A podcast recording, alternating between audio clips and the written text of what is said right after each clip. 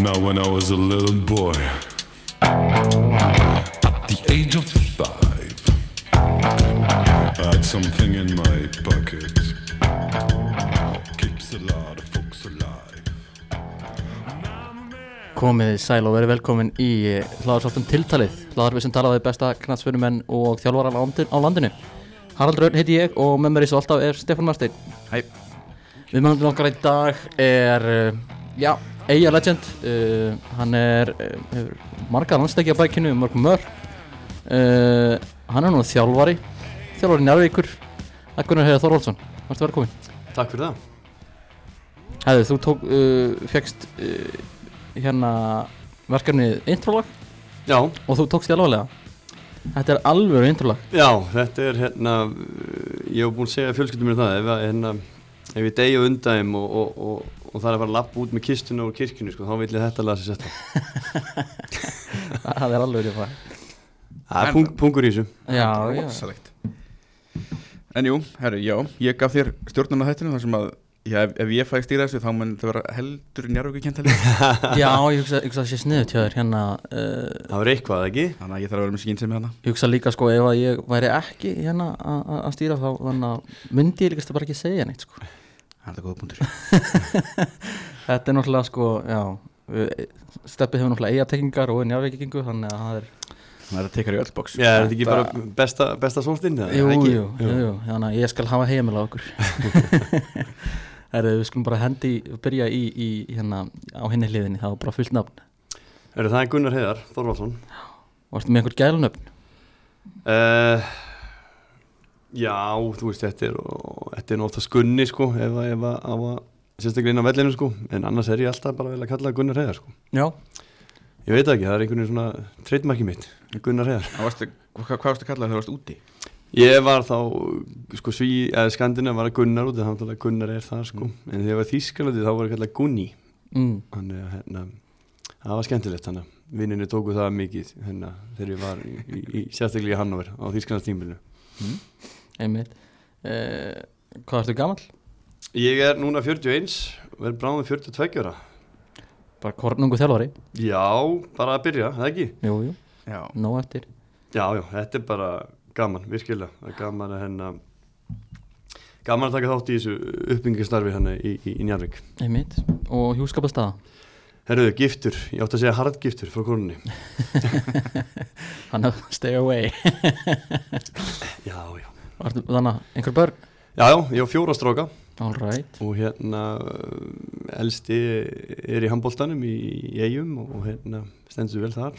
Og svo er með þrjá peja núna með mér upp á, á skaganum sem er í, í bóltanum þar og, og yngst er með þessi körubólta líka, þannig að það er nóg að gera. Nóg að gera. Já, Alltaf fínt bara á þessum aldrei að vera bara við erum bara í, bólta, í ykkur bólta Þannig gera á fyrir þessi aldrei döðstund Nei, það er þess að hérna, það er svona gráharur það er, er aldrei döðstund það er alltaf verið ykkur gangi og, og, og, og það er líka bara fínt. Heldum, mm. heldum að nungum Herðu, hvenar uh, eh, maður stötti því hvernig þú leggst þinn fyrsta leik með mestarblokki? Uh, eh, sko ég held að fyrsti leikun hafi verið 98 98 nýju einhverstað þar, um MIBF ég man ekki alveg sko Hveina, hvað sá leikur var sko en, hérna, en ég hef búin að taka einhverja æfingarleiki áður sko ég man allan að fyrst leikum ég var með íbjöfa fæðingarleikur á Þósfellinum eh, 15 ára. Kunni við alla rángstæðu og, hérna, og, og ég gleymi aldrei þegar ég skora eitt markarlega því líkt sáttur og búin að skora bara fyrsta leiku ég veit ekki hvað og hvað sko en þú veist þá væri ég svona 20 metrar fyrir innan sko. Þannig að hérna, þessan hættu allir og ég náðu að skora sko. Þannig að það ég man alltaf eftir því. Já. Já, já. En, en að, já, hvað sér, 98, 99 heldur Manstu eftir, eftir þessu tímabili, þú veist Náður eitthvað að, að sína þig? Já sko við náttúrulega vorum náttúrulega með ógeðslega gott lið, við náttúrulega vorum eiginlega með besta lið á landinu og, og hérna og, og fyrir mig, unga peja svona verið í kringum þetta og, og svona ég ætla ekki að segja að taka þátt í svona alltaf verið í kringum þetta og fá að vara einhverja æfingar og, svona verið í kringum þetta var alveg sko gríðarlega skemmtilegt. Mér fannst það svolítið svona Já, ég er alltaf svona fylgið því að ungi strákar ungi leikminn að þeir fá að kynnast uh, svona meistarhúsboltanum og, og þó að sé ekki að spilin á vellinum allan að vera í kringum þetta og átt að segja hvernig, hvernig þetta er gert og hérna og bara hafa fengið þennan tíma með þegar það var svona mikil sigur hefð þannig í eigum sko og, og með þessa snillinga sem voru hérna innanbór sko og það, það gaf mér helling og mikið svona búst í það að, að fyrir mig að fara og, og æði svo skeppna til þess að komast á þennan stað sko, finnst það æðislegt sko Getur þú mynd okkur á eitthvað af þessum nöfnum sem voru hana, hana í Já, hliði? sko, það er náttúrulega bara nóga nöfnur sko, við náttúrulega Stengum Jóhansson heiti, náttúrulega leit mikið upp til hans, mér finnst það frábær. Uh, þetta er náttúrulega margir Ívar Ingimas frændi minn var hann á þessu tíma hann, svo er þetta veist, hemmi var hann held í 98 þú veist, uh, Tengur Guðmus var líka hann. Sverri Sverri sem alltaf eftir honum, held skemmtilegu gæi. Uh, Balli Braga, þú veist þannig að þetta var fullt og Birgir Kristins alltaf líka þarna sko og manni eftir held ég, já. Þetta er þarna mörgleitind sem voru hana Einmitt.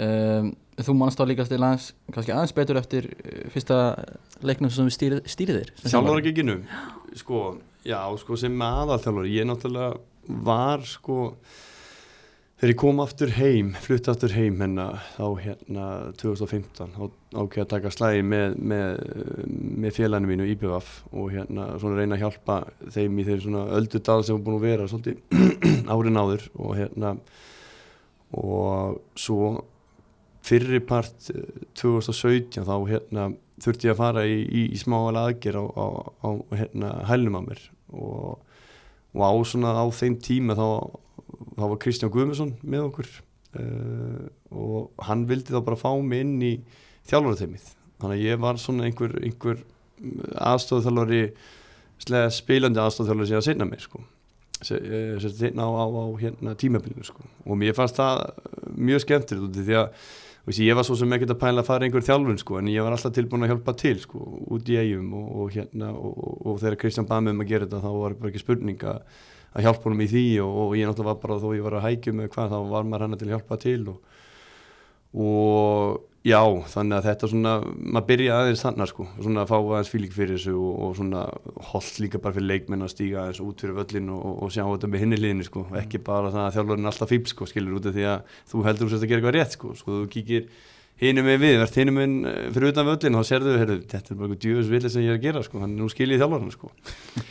Þannig að hennar, já, og svo eruðum við náttúrulega byggamestar hann 2017 sem náttúrulega var alveg frábært og, og, og vera svona í upplikinu þar og svona lýst með það var alveg geggja sko. En, en, en náttúrulega svona alvöru ég sem aðaþjálfari það var náttúrulega með, með KFS hann að uh, 2020 þá byrjaði ég með það var einhvern svona sjanghæjar í það dæmi. Ég ætla ekki að, vera þjálfari og var alveg komið ógjað einhverju fókbólta eftir fyrirlinni hjá mér sko. Þess vegna hætti ég að spila þó ég alveg geta haldið áfram að spila mér bara það komið nóg, ég hef búin að tekja öll bóksin sem ég vildi á ferlinum og fleira og, og vildi svona ekki verða og þreyttur í líkamunu til þess að geta ekki farið ymmit að spila fókbólta með pegjunum mínum eða að gera eitthvað með fjölskyldinu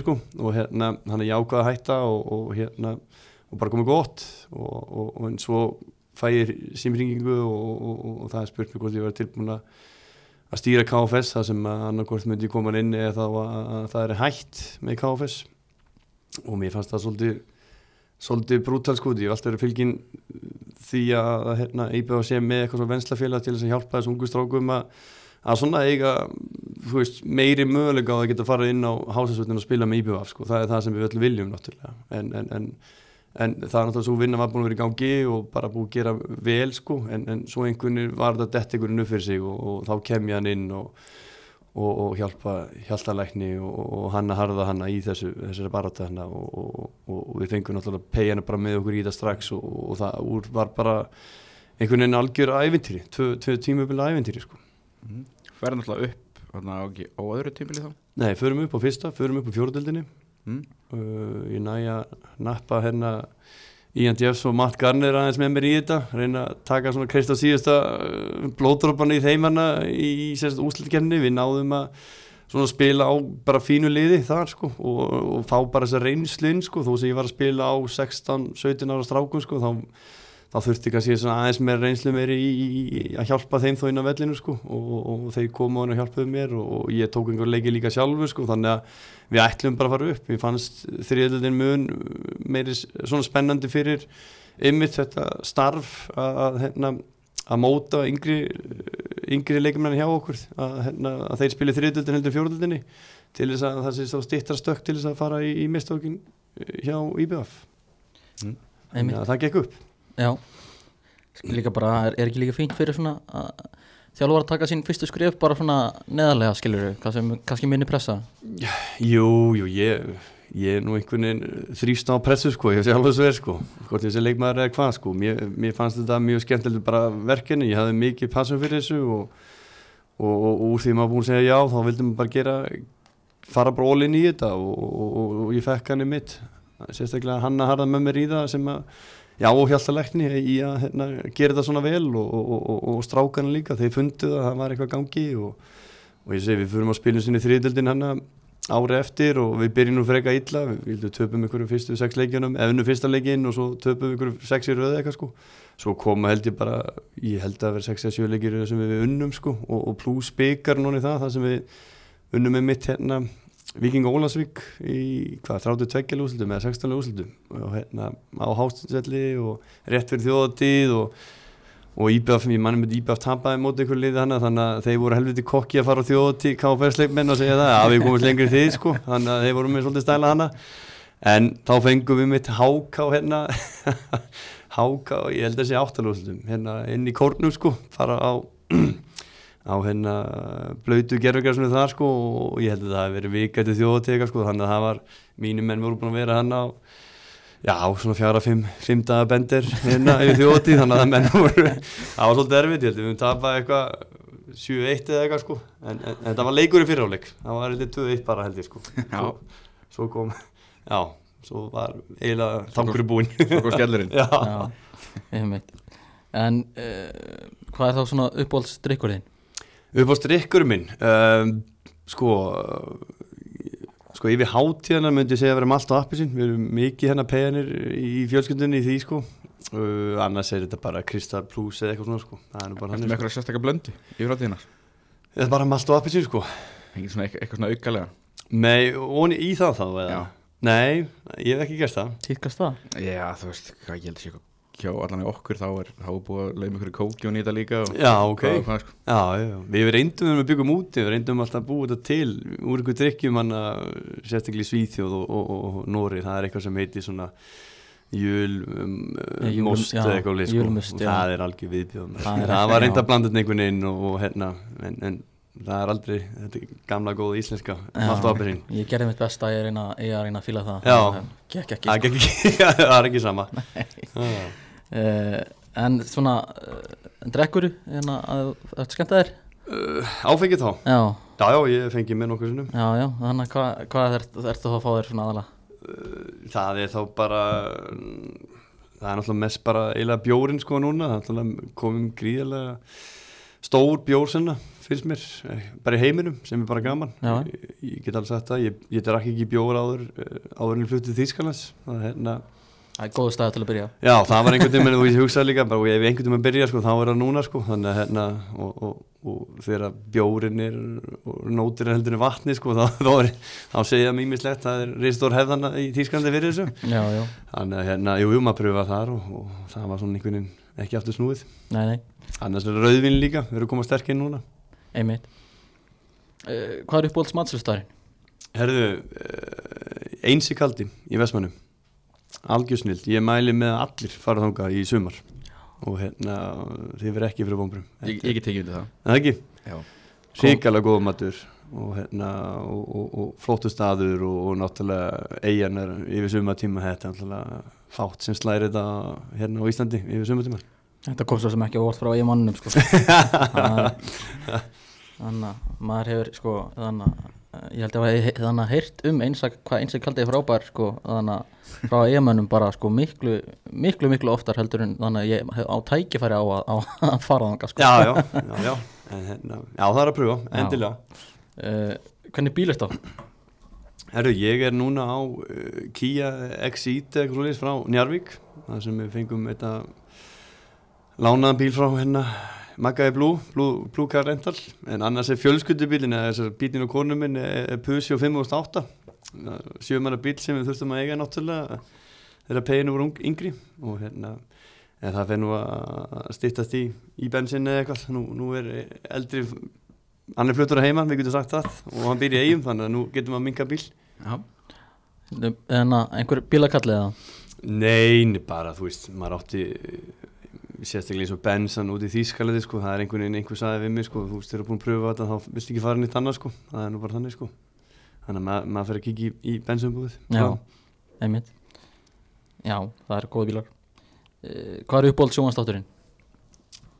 Já, þetta er náttúrulega, maður er náttúrulega búin að sjá ótrúlega mikið, þetta var náttúrulega mikið DFD hennar back in the day þegar ég var í aðdurum sko, þetta var ekki Netflix eða neitt svoleið sko, þannig að það var bara farið út og út í hennar þessa, þessa búðir og kaupa diska og, og, og þetta sérstaklega eins og Þýskalandi sko, það var mjög erfitt að reyna að finna eitthvað þar. Alltaf bara Já, það var mjög mikið dobbað, eiginlega allt. Og, og, en við fundum svona friendserjur og, og hvað var líka, King og Queens sem var líka hann að back in the day sko. Já, já. En ég með svona mínu, mínu þættir er uh, Breaking Bad uh, Entorans var náttúrulega eitthvað sem ég elskaði og, Ari Gold og félagar. Þetta var algjör veisla og þetta bara einhvern á þessu tíma líka þegar maður var einhvern veginn í aðdurum mennskum svolítið skilur með eitthvað Entorans í kringu sig og og maður sjálfur náttúrulega með vinni sína og smá endur þegar þeir voru að kíkja heim svo sko, þetta var svona einhver fílingur í þessu sko. Og, og, og svo er ég ég fíla líka hérna Game of Thrones. Mér finnst það helviti skemmtilegir þættir. Aðeins langdirinnir en, en helviti vel gerir. Já, bara klassisk Þetta er uh, allt góð- þættir Yes. uh, Horfðu verið eitthvað á stúkuna? Hann var í stúkunni. Já, já, þetta, en þú veist já ég var í því. Já, já, en, hérna, en þú veist svona já, ég er bara, þetta er svona skla, ég var ekki, var ekki svona að hugsa.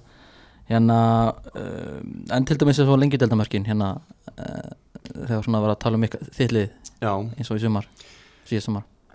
Ég sko ég þeir hérna skömmuð mig aðeins hérna þegar ég var í KFS með hérna í þriðutöldinni þá var hérna vinnur okkar í Ástríunni sem mitt ég sandi mitt í þessu stól hérna að þeir fengum einhvern veginn við vitalinn og ég mitt lofaði því að ég ætla að vera duglegri að hlusta á svona íslensk íslenska þætti og íslenska podcast út af því að maður var kannski ekki alveg komin inn í þetta en, en maður er að, að hlusta á þetta núna reyna það allavega. En, en það er líka mikið verk að vera annað þjálfur í, í mestarlokki og, og, og, og reyna að finna leikmenn og halda þetta góðum og reyna að halda áfram að þróa liðis og fleira, það fer helviti mikið tími í það en, hérna, en ég reyna að fylgjast með og ég get klálega hvernig, þannig, að- hvernig finnst þér svona sem þjálfari ef, að það er einhver kannski að skjóta einhver leikmennin liðin þínu eða hvað, hvað þú veist, einhver, þau spilið illa eða eitthvað svona, þú veist, hvað uh, hvernig tekur það?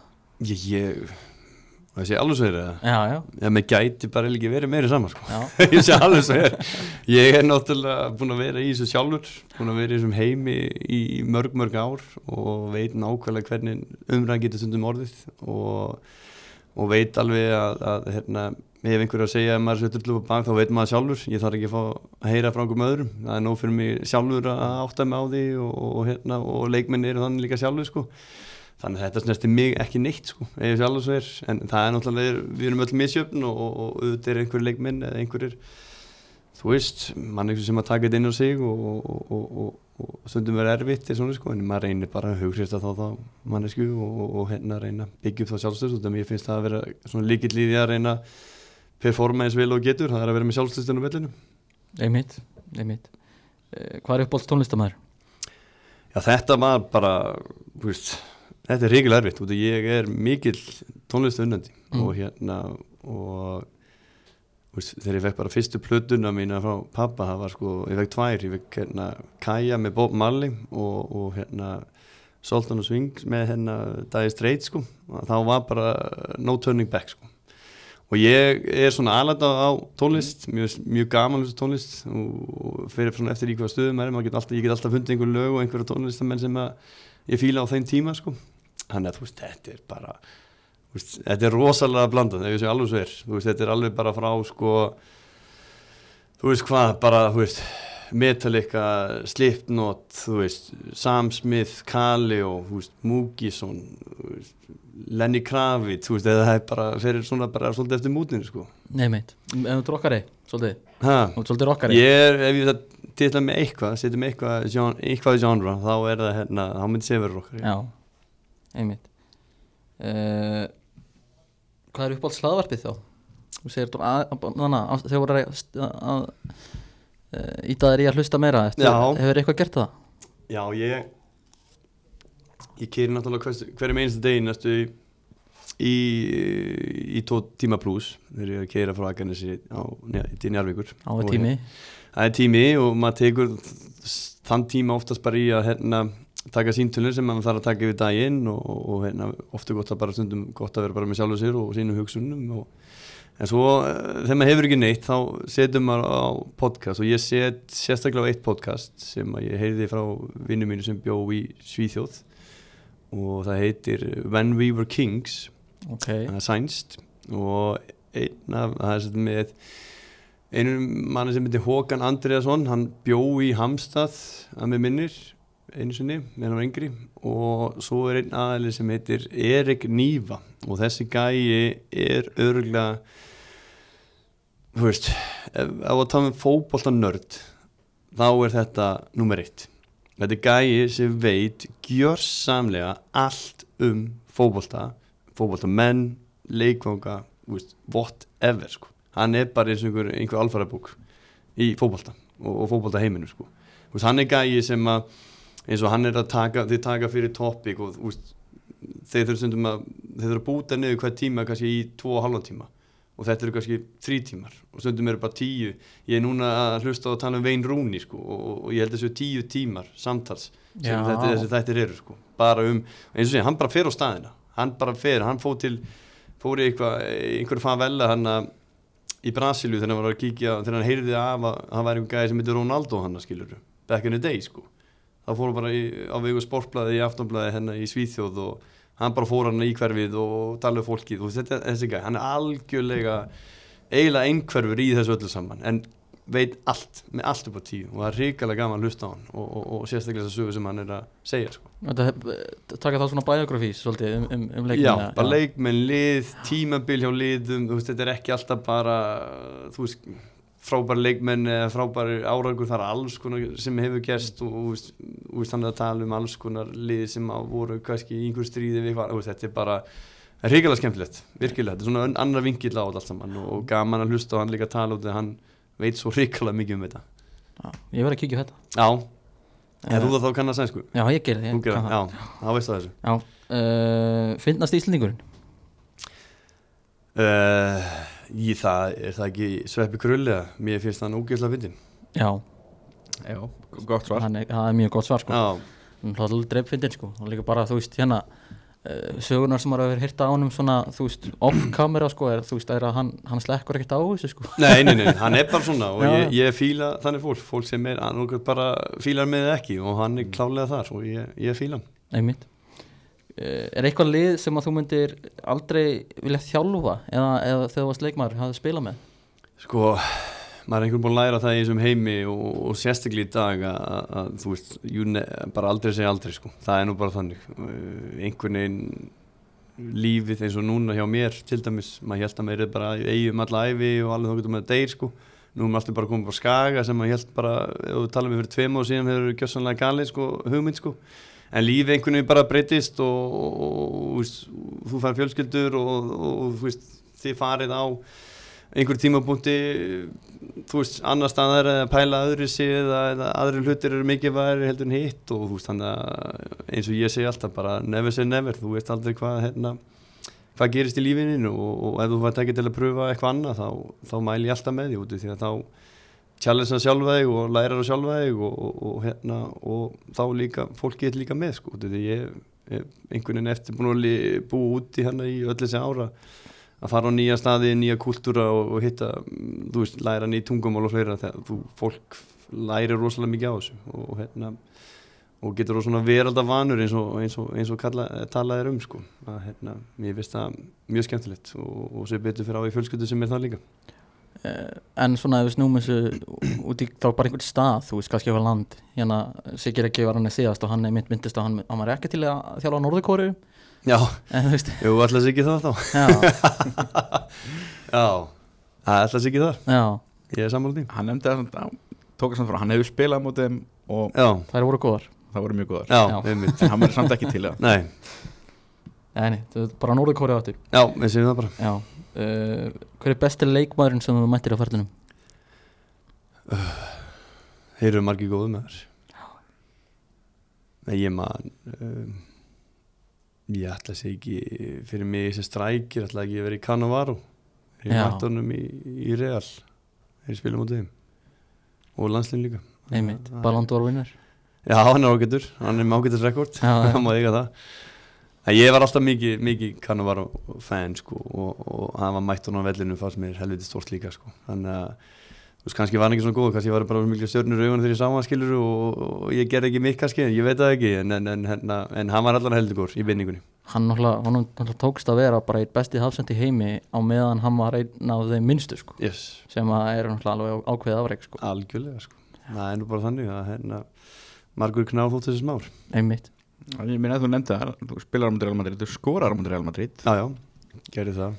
Og svona þegar maður skoða liði sem úr svona leik þetta er er ekkit lélegt lið. Ekki, þó þetta hefur verið ja, alls en þú veist, Casillas er í markinu og þú veist, Sergio Ramos, Pepe kemur inn á Cannavaro er að spila allan leikin síðan eru mennin svo, þú veist, Raúl Saviola, Higuín Guti Já, einn minn uppáls innan leikmaður á þessum tíma já ég sé, þetta er Real Madrid. við alveg heyrt vera lið. Já, ég ég Real Madrid er alltaf Real Madrid og ég með þetta, þessi klúbun alltaf bara er eitt svo stærsti í heiminum bara, það er nú bara þannig, það er ekki svo stærsti í dag og, og hérna, og það er, var ekkit, þú veist, það er ekkit, var ekkit öðru síðan á þessum tíma, sko, en, en þú veist, þegar þú skora mútið Real Madrid hver, hversu lengi var svona meðtaka að þú hefur verið að skora mútið Real Madrid? Já, eiginlega bara, eiginlega bara, sko, allt kvöldið, það var eiginlega galið, maður var einhvern veginn ennþá bara að pælaður um að koma upp í íbúð með, það var vinafólk statt hjá okkur á þessu tíma og hérna, og, og, og við settum upp á, svalinar og íbúðinu sem vorum í hann og fengum meir kaldan sko og, og með, með konunni sko, þetta var bara, maður bara var einhvern veginn ennþá ekki að trúa sko, út af því að einu og hálf ári áður var ég bara að vinna bara í saltfiski í Vestmannu sko, Já, já, þannig sjáum við hvað þetta er fljótt að gerast nákvæmlega. Þetta er rosalegt. Já, Já, þetta er nú ekki margmennu hópur sem þú ert í. Er svona í fljótu bræði, eina sem er dettur í hug Íslandingar sem hefur skorað með Real Madrid Arnur Sig, já, Já. Eiður, ég veit ekki hvort að Ég hann veit ekki skora á hvort- móti Nei, hann Það sko- veit skaut í ég stöngin hvort í hann skoði Clasico. stönginni, já, það var svolítið í El Clasico, ég veit samt ekki hvort hann er skora með Chelsea á móti. Nei, Nei, ég held ekki, ég held að við, hann mætti þeim aldrei með Chelsea. Nei, ég veit að Elias Marómasson spilaði á móti Real já, en hann skoraði hendur ekki. Alfred Nei. Finnbo átti ekkert frábæðan tíma og svo setja þannig að ég efast um hann að skora á móti Real Madrid. Nei, Nei. Nei, nei, það er svo það er. Uh, Hver er besti leikmaður þá sem þú hefur þjálfað? Það kannski hérna og, kannski ósangert að spyrja ef, ef við spyrjum bara út fyrir Njarvík af því að það er kannski núverandi Njarvíku Já. þjálfur En það er uh, tveir sem poppa strax upp í hausnum á mér. Það er hérna Gauti og, og Víðir Þorvara sinni Þetta eru bestu leikmið sem ég hef þjálfað. Það er bara hannig Já, Ríkala góðir Báðu tveir. Auðvelt að- gæta þeim. Í þess að ég vil að geri. Klálega. Uh, Hver er mest nei, besti þjálfarinn sem hefur þjálfað þig? um,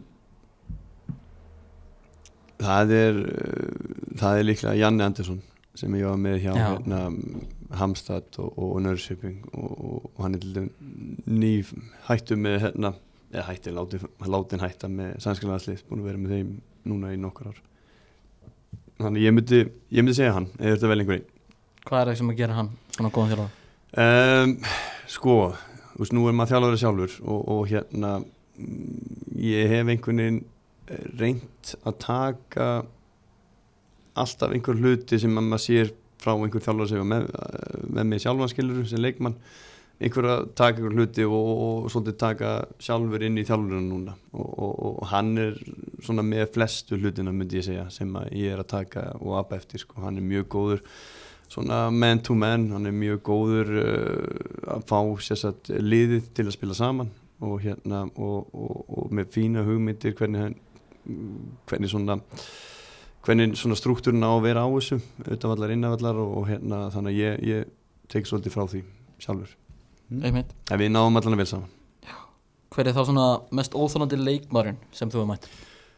Sko ég hefur að hugsa þetta svolítið mikið í gæði sko þegar ég, það var svona hugsa var bara svona aðeins að hérna, undirbúið mig fyrir þetta. Ég sko, sko sem strækir að þá hérna uh, við erum aðeins öðru sem og veist, það tala um að markmenn séu öðru og það er alveg staðfest, þeir eru öðru sem allir hinnir og, og við strækirnir erum líka öðru heldur en hinnir að því leiti að við erum svolítið fljótur að gleyma. Við eigum að vera það, þú veist. Ef við klúrum einhverju döðafæri þá bara gleymur því og hugsa bara, ok, næst gerir þetta svona og svona, ok, svo kemur að því og þá skorur þá þú löngum og gleyma því hvað gerist þannig áður sko.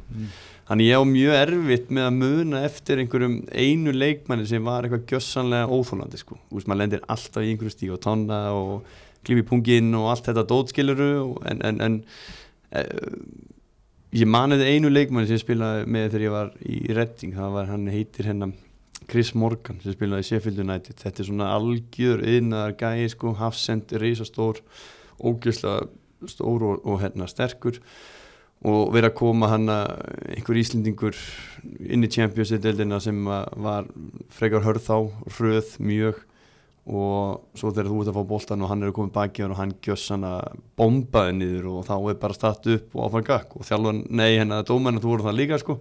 Þannig að maður fekk svolítið að kynnast í þannig sko. Þannig að óþólandi en, en, en, en hérna ég veit það ekki en hann alltaf var já, hann mátti helviti mikið gera við mig hann á sínum tíma. Það er kannski það sem við getum tekið úr þessu. Nei mitt Það er einhver svona Einhver, einhver sem að þarf að já, já, ef við segja eitthvað, þá segjum við hann bara. Já. Hver á svona fyrirmyndiðin í æsku? Uh, sko fyrirmyndi mín í æsku uh, er náttúrulega bara pabbi minn. Hann hérna uh, var frábæra fótbolta og er, er, er frábækall og hérna uh, kendi mér helling á sínum tíma. En ef við förum yfir svona fótbolta eitthvað þá leiti ég rosa mikið upp til Áskei Sigurvins uh, ég fekk úrklippubók með honum frá hérna auðinu Jörgens sjómanni nummer eitt sem var að vinna þá á bát með pappa sko og, hérna, og hann gaf mér þessa bók og ég horfði mikið þá var þetta bók sem var svona blaða úrklippur uh, með alls konar uh, svona hérna, viðtölum og svona um, um áskir sko. Og, og, og mér þótti mjög vantuð það og, og hérna og Auðun Jörgens var bara frábæð gæði sko. Þannig að það hjálpaði mér svolítið og, gaf mér svona mikið búst að vera svona áhuga samur ungustrákur í eigum að sjá einhvern ungan eh, eða þess að sjá einhvern vestmanning fara ungur út og meika það og hérna og verða bara einn aðeins betri í sögunni og Íslandi og hérna það hjálpaði mér mikið sko. En svona í setni tíðinni þegar ég var og byrjaði að spila og svo sko, þá leiti ég rosa mikið upp til hérna Uh, hérna Nisteroi og, og Cantona hann á sínu tíma.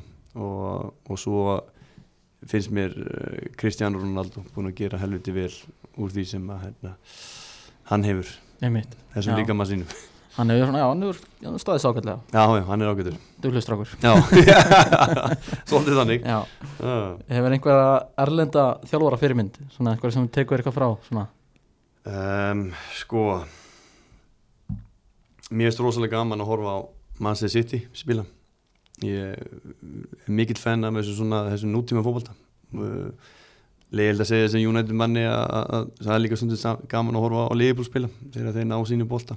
Uh, sérstaklega þeir voru með hana fyrminni og þá hana þrjá mikið og manni hana frammi Mm. með, með, með Sala sko, það var gaman að horfa á þá. Þannig að þetta er svona típa fókból sem ég langar að spila og, og, og, og svona minn, minn stíl er. Það er svona þessi. Svona gott uppspil og, góð pressa. Já og mikið svona emitt og, og, og, og mikið transition. Einmitt. Uh, Hver er svona sætasti sigurinn? Sætasti sigurinn er uh, án efa byggjúrsleikurinn 2017 Já. 1-0 á móti FH er ekkert þannig að st- stendur það fram úr á hérna öllum ferlinum úti og allt það? Sko að koma heim uh, í IPVF sem var búin að vera einhverju niðurli í nokkur ár og, og, og hérna koma inn og hjálpa liðinu sínu að verða byggamestari og, og, og fá Evrópu peningin og allt þetta og bara einhvern trú á fótbolt aftur í, í samfélagið var risastórt fannst mér. Og þess vegna er þetta örgulega minn stærsti. Auðvitað ég fullt að sigurum í fyrirfram að 50 manns og allt þetta skilur en þetta gaf mér miklu miklu meira. Einmitt. Já, ég var stúkunni þetta. Og, já, já. já, þetta var góðu dagur. Einmitt. Hver er þá svona mestu vonbreiðin?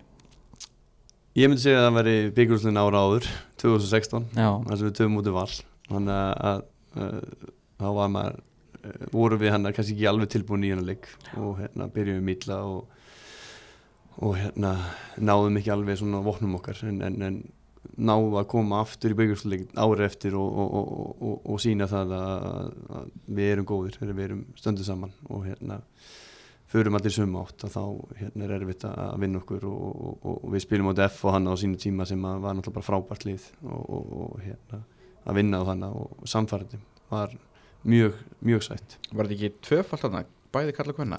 Jú, Það ekki? jú Þannig að að það var tvöfald gleði Já, það var mikið partí hana eftir og loka honum já. eftir tímfilið Mér, mér, mér skilst að sagan end, allar endur taka sig sko. Er Það ekki? Jú, K.A. er að fara að taka þetta þá sem þetta í ár Já, það er svo leis Já. Já, Já. Mér skilst það sko já, já, við skoðum það Ánæg með hann pípaði niður hana Já, það er bara þú veist landsbyðarliði sem var í byggjurúslega leik og tapaði já. og tekur síðan aftur árið sinna Já, já, En þú, þú sagði ráðan, þú er United maður í enska. Já því miður í Já. dag. Því Það er miður og vel. bara, já, svolítið þannig. Þetta er og þessi þrý ringsustangana mín eru það líka. Ég er að hérna, gerði það á United aðdáðandum og, hérna, og ég er oft búin að segja við bara eiginlega sorry sko, þú veist, þetta er ekki alveg fótboll sem mér langar að spila sko, út af því að fótboll sem að þeir voru að spila þegar ég var yngri, það er akkur þessi fótboll sem að mér langar að spila og, og hef gaman að sko, sóknabolti og fleira sko, þannig að hérna, en það kemur vonandi einhvern veginn að því. Ha. Já, já, hvað hérna Ef þú væri settur í, í, í þjálfarastólin hérna í, hjá United, hvað var svona það fyrsta sem þú myndir sem, sem þú myndir reyna að breyta? Það er auðvitað bara að reyna að losa hellinga leikmönnum, uh, fá miklu betri struktúr á þetta og það er greinlega mikið að innan, innan veggjana hjá félagin sem við vitum ekkert um sko. Og kannski er í mann nú að hann, henni að Uh, Ragník, eða hvað heit hann ekki hann, Jú. já, hann kom og hann sagði eitthvað og, og, og skaut svolítið á þetta og hann kannski er bara rétt hjá hann, það þarf að gera þetta og þetta og svo var það bara einhvern veginn þakka sko og, og, og hann sá vantilega að hann var aldrei að fara að vinna þessa baráttu sko út af því að hann okkur er pólitingi það stór hann eða, eða einhverjir eru sitta of, of þægilega hann að skiluru og hérna ráða of miklu. Þá sá hann okkur það að hann var aldrei getað að fara að breytta því og þá bara fór hann sko. Þannig að ég skil hann svona ef að það er ástæðan Það Hvað, var þetta eitthvað svona hvað, það er að losa 11 og ná í 9 nýja og Já. þá svona getur við skoðað þetta já, basically sko hann var hleyið eiginlega bara á honum þegar hann var að þessu sko Já. hann var bara að segja hvað ert að segja Já, en, þú veist, hálfviti sko Já, já. En en ég held að það sé allt búið að sjást núna já, já. Ef, ef þú fengir að velja einn fyrir um leikmann úr sögu Íslandsmótsins til að koma inn í þittlununa hvernig myndir þú taka? Ég myndi ég myndi potti taka Áskei Sigurvins það var helviti góður sko. Já, það var ekki amalegt. það var ekki amalegt sko.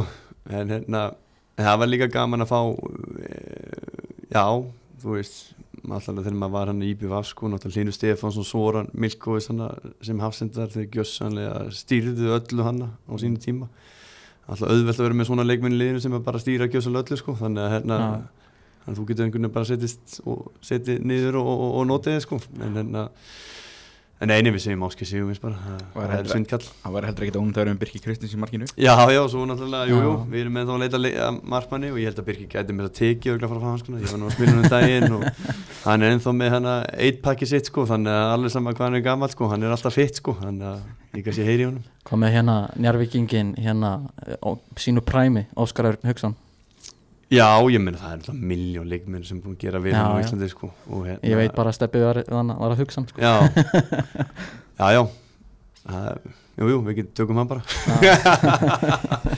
Já, ég vil alltaf sjá hann loka hringnum í Njárvík en Já. hann lítur út fyrir hann Það verður erfitt núna. Já, Ég sé það ekki gerast núna Nei. Úr þessu. komin í gott gig hana hjá Viking eh, Hver á þínu mati er efnilegasti knattspinnmaður landsins? Uh, það er uh, Gabriel Snær, Hinrik Helgi og Kristján Leo uh, Gunnarsins Já, það er bara hannig Ánægð með þetta svar. Já, ég geti séð það á skaganum.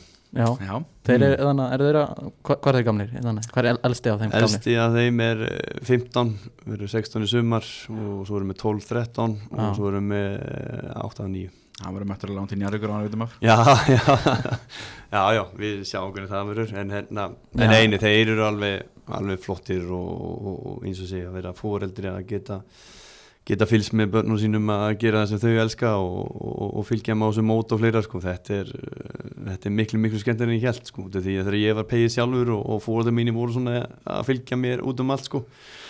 og þegar þau voru að hvetja mann eða segja mann eitthvað til sko, þá var alltaf bara oh, djúvelum, hvað, hvað, hvað, þetta er eitthvað mér langar bara að geta hlusta á þetta sko, skilur en núna skil ég hvað þau voru að gera sko, út af ég er nákvæmlega eins sko. Þannig að hérna, þetta er bara gert af ást, þannig bara hann sko. Hvernig, hvernig fóreldri ertu á þessum mótum? Ertu, ertu leðilega í poppin?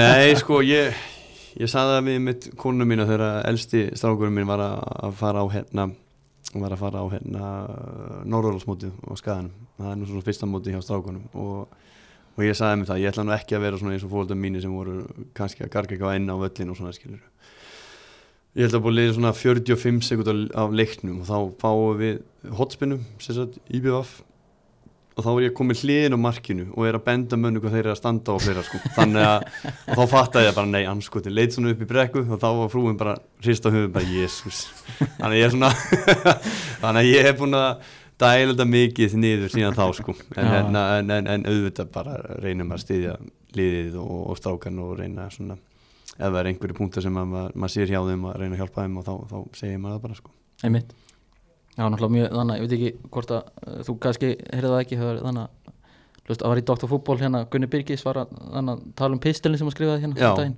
einmitt, það var einmitt mjög þannig að uh, áhugaður skemmtileg umræð, um, umræð um svona mjög fóreldra í, í Já, ég meina sumi fóröldarna bara, þú veist, eigi ekki að vera nála þessu finnst mér sko. Og, og bara því miður og ég meina, auðvitað er þetta alltaf börni sem eiga að einhvern veginn njóta vafans eða eiga að njóta sínana og hafa gaman að þessu. Og, en þegar þetta er komið í að, rauna yfir aðra leikmenn eða, eða, eða meðspilara eða, eða dómaran eða þjálfaran þá, þá erum við á einhverju villigutu sko. Já, það er ekki spurning sko.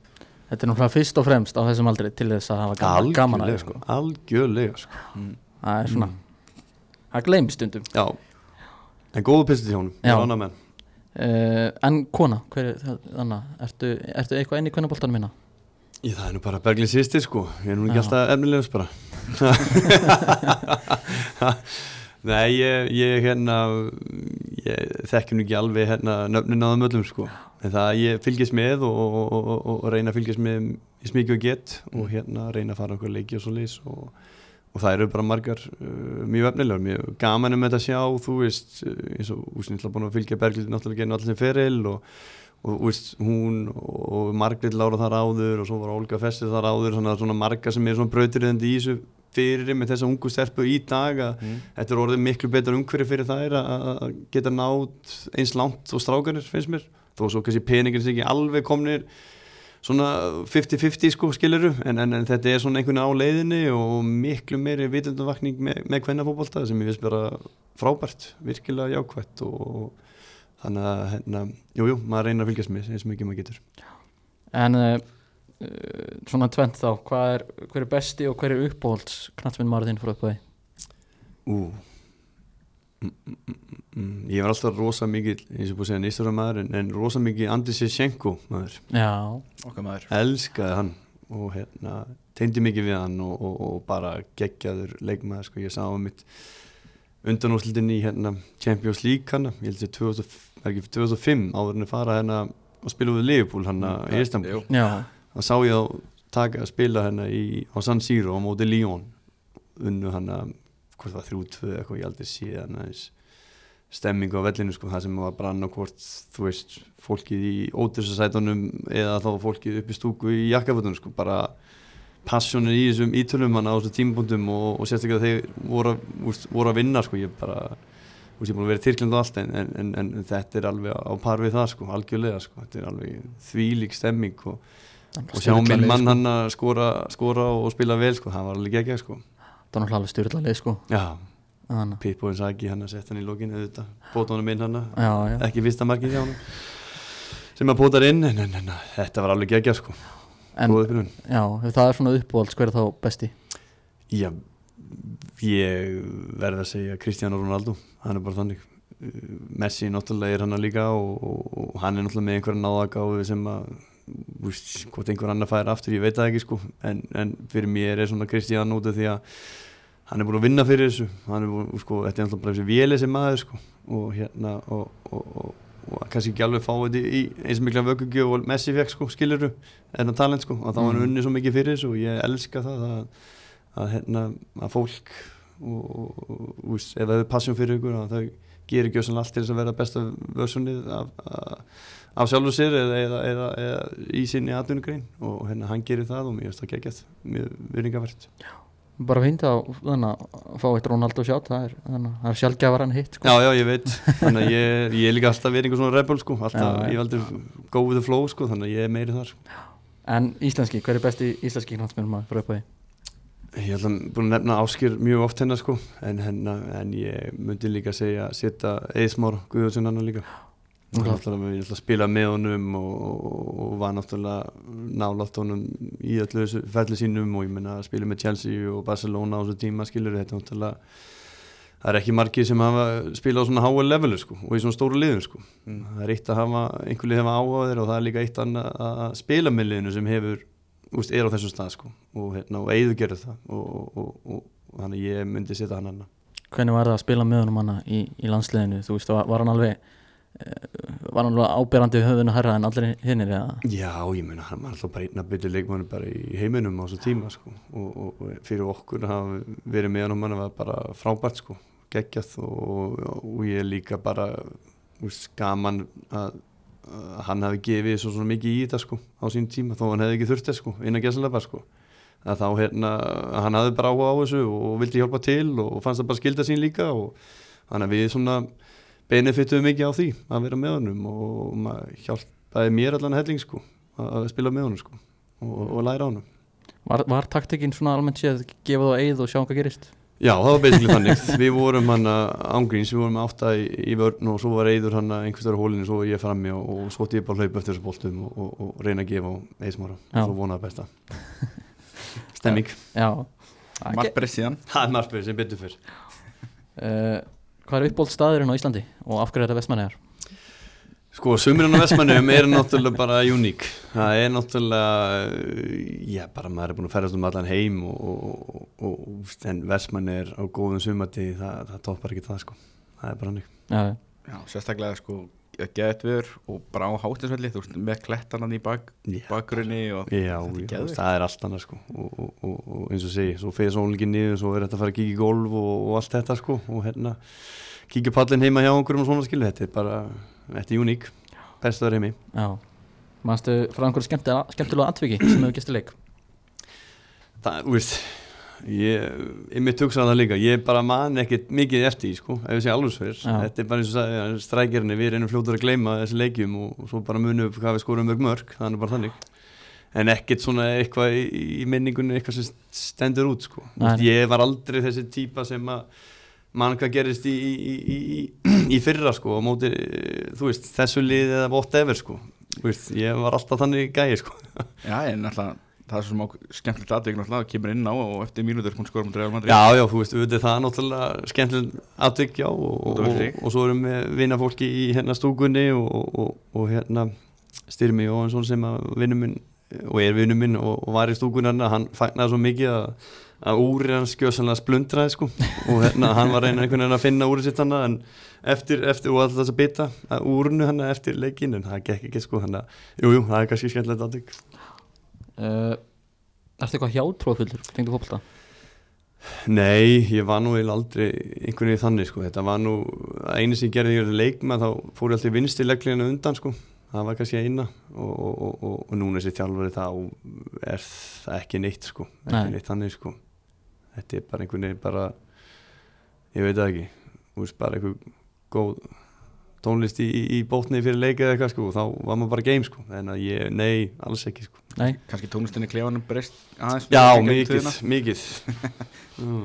kannski, eh, ekki að prefina tónlistin núna eins og hún var Já, jú, jú, ég, ég, ég, ég, ég er alveg alveg á tónlist stóli, sko, það er bara fyrir eftir hvernig, hvernig hvaða lög koma í gýri fyrir leikin, sko, maður vil svona einhvern veginn sem er góðu taktur í og, og hérna, og helst eitthvað svona sem að fær maður til þess að hérna standa upp og, vera tilbúin í þetta, sko, það þýr ekki að koma með eitthvað rólegt og eða, já, Nei, nei, einmitt. Eitthvað svoleiðislega sko, ég kaupið það ekki. Já. Uh, Fyrir utan fótbolta, ertu að fylgjast með einhverjum öðrum íþróttum?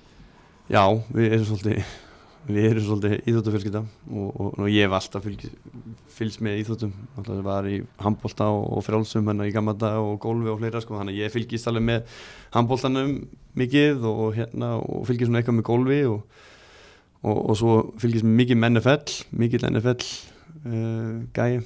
Og hérna og svo er það náttúrulega pílan yfir jóla áramötin, það er náttúrulega það er bara í lóri bara hefð. Já, pílan var skemmtilega í orma heldur betur. Littlerinn geggjaður og, og líki fyrra sko. Þessi nændart leikur hann hjá þeim Já, í fyrra, það var geðveikt sko. Van Görvin og Búli Bói Já, og Búli hafi náð sér nýju eftir að, að, að hérna, Van Görvin var næstu búin að ná því sko. Það hefur verið rosalegt. Klikka á loka bílum og svo kemur hinn bara að loka Doppel 12, já þetta var geðveikt sko. En, en hvað er svona þitt liðið í NFL? Sko, þetta er sko fylgjast þið með NFL eða? Ég ger það Já, já. Þeir eru náttúrulega langt flesti leikmenn eru náttúrulega gjössanlega heilalösi sko og hérna þannig að fyrir mér uh, þegar ég, ég fylgdist alltaf með þess að þetta var á síninu back in the day sko mm. og svo fer ég út og, og, og, og svona dett svona aðeins úr sambandi við allt saman svo, svo byrja ég svolítið aftur í flytt aftur heim sko og, og ég hugsa að það var svona spennandi tímar að gerast hjá Dallas Cowboys á þeim tíma Dak Prescott og Zeke Elliott var að koma inn hann sem rúkjar og þetta leit svona vel út sko.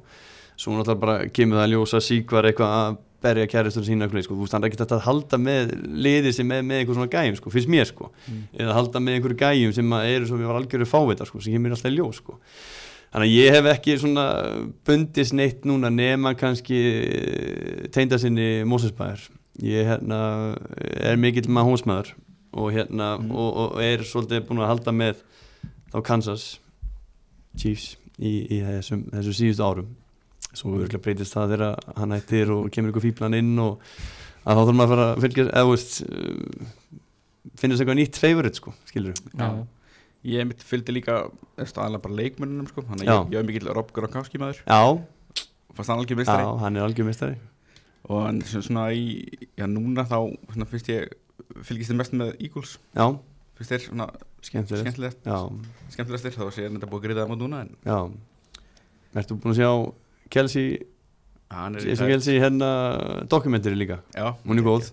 Geggjað já, þetta er bara alveg gæi. Ógeðslega flóttu gæi. toppmaður já, maður sá það, þetta er alveg genuine gæi sko. Mm. maður heldur með þessu pegjum sko en hérna bræðrunum líka sko. Já, já þeir eru náttúrulega sko báðir sko þegar þeir eru ekki að spila þú veist þá eru þeir mættir í litnum og fara kannski ekki alveg í treyjuna en nei, nei. fara í litnum já, og þeir stöðja þeir eru bara að stöðja bróðu sín fjölskyldumil með bara í það er svo margi sem hefur kannski þú veist ekki alveg þórað að fara þángað nei, nei, þeir eru bara þeir, segi, þeir eru bara drullu saman góður og finnskilur en þeir eru bara sínið til stöðningi sko sem er geggjað. ég held að þeir sé ekki já, þá tráðiskelsi núna sem þá snöppáls já, eða ekki bara? Þá eru við samanli já En þú ert vantilega að horfa á hérna handbóltan núna Já. Þegar við tökum þetta upp þá hérna uh, við erum búin að vera svolítið hraðar að taka upp núna sko Það er kannski svolítið Ekki bara gott eða? Eftir, eftir á, hérna, neða það verðum marga þætti sko Já, svolítið, já, já Þannig að uh, þegar við tökum þetta upp núna þá er Þískland í, í kvöld. Já. Það var síðast hérna þessi hrikalega leikur um Já. Hvað, Hvernig þeir svona þitt sín á, á landsliði núna? Sko uh, um, Kanski sama eldra en að Kári tók Hvað segir þú? Já, þú veist, ég skildi hann alveg sko, við skiljum hann öll, skiljur þú, en einhvern veginn uh, við ekki pæla ómikið í því heldur út af því að það er einhvern veginn bara næsti leikur í handbóltanum og sérstaklega á svona stórmótum, þetta er bara tvei tveitar og millið eitthvað og það er bara, herru, við erum bara fúlir í kvöld og svo er bara næsti leikur, skiljur þú, þannig ég, þú veist, þetta er ekki bara típist Íslanda á stórmóti, þú veist, svo vinnu þjóðverðum með tíu mörgum með eitthvað skilur út af því að þá er allir alltaf nón út af því að fengum bara þetta kjafsökana í síðasta leik sko. Oft höfum við þurft að fá það til þess að komast í gang, finnst mér, ég vonast svo innilega að, að það verði þannig. En, en ég veit það ekki en, en ég vona allavega og ég hef trúið því. En en leikminn alltaf þurfa bara að gera betur það er bara þannig sko Það er alltaf búið að draga fram alls konar eitthvað svona tölfræðmóla á okkur og alltaf minnst bara fyrir tveimur árum að svíjar fóru á nákvæmlega sömu þú voru alveg eins já, og við já, inn í millirila og þeir enda á að vinna mótið þú veist Íslanda háum 2007 þú veist á töpið fyrir Úkranju leik sem áttum ekkert að tappa það fór alltaf alltaf hliðina þá en einu við frakka með áttumörgum í leiknum eftir. Já, þannig að það er svona, það er svona fullt svona það er svona, svona líkindi þarna. Já, já, algjörlega og, og, og og típist Ísland á, á stórmóti. En ég ég hef fulla trú á þeim og úst, við erum bara, mann finnst bara einhvern veginn, veist, við erum með þessa góðu leikminn sem bara hafa einhvern veginn ekki, ekki náða að svona skera sitt vinna gæslepa Mm. og, og ég er búin að vera að horfa á þætti það sem er að tala um Dream Teamið hérna í körfunni, hérna back in the day sem vinnu hérna ólupillegarna og þá einmitt var fyrstu æfingar og svona var bara svona rosa mikið bara high five og allir vinir og svona skilir svo bara geftur um móti háskólið og þeir háskólið rústaðin sko.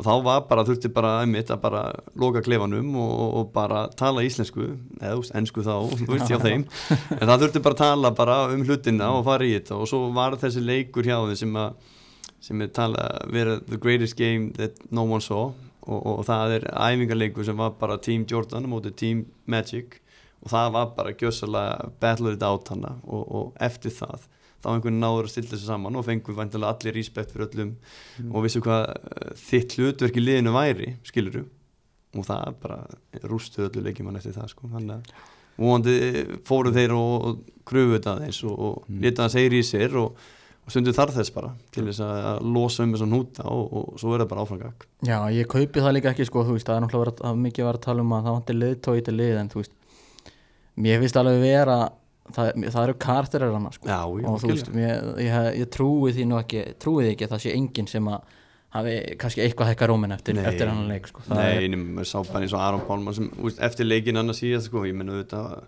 strax eftir leik, ég veit hvernig þetta er þetta er erfitt að koma í vitandu strax eftir leik og sérstaklega svona leiki, sko, Já. maður bara einhvern er orðlaus og átt að sig ekki á þessu sko, en, en, en svo eftir það, það bara einmitt að krifja þetta og, og laga það sem það þarf að laga og, og gera betur næst sko.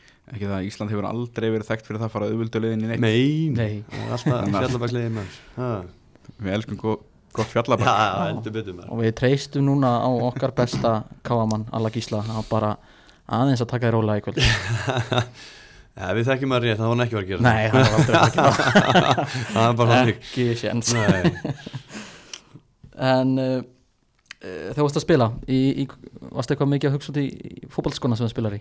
Já, mikið. Það er nú bara ein típa fótballskóm fyrir mér.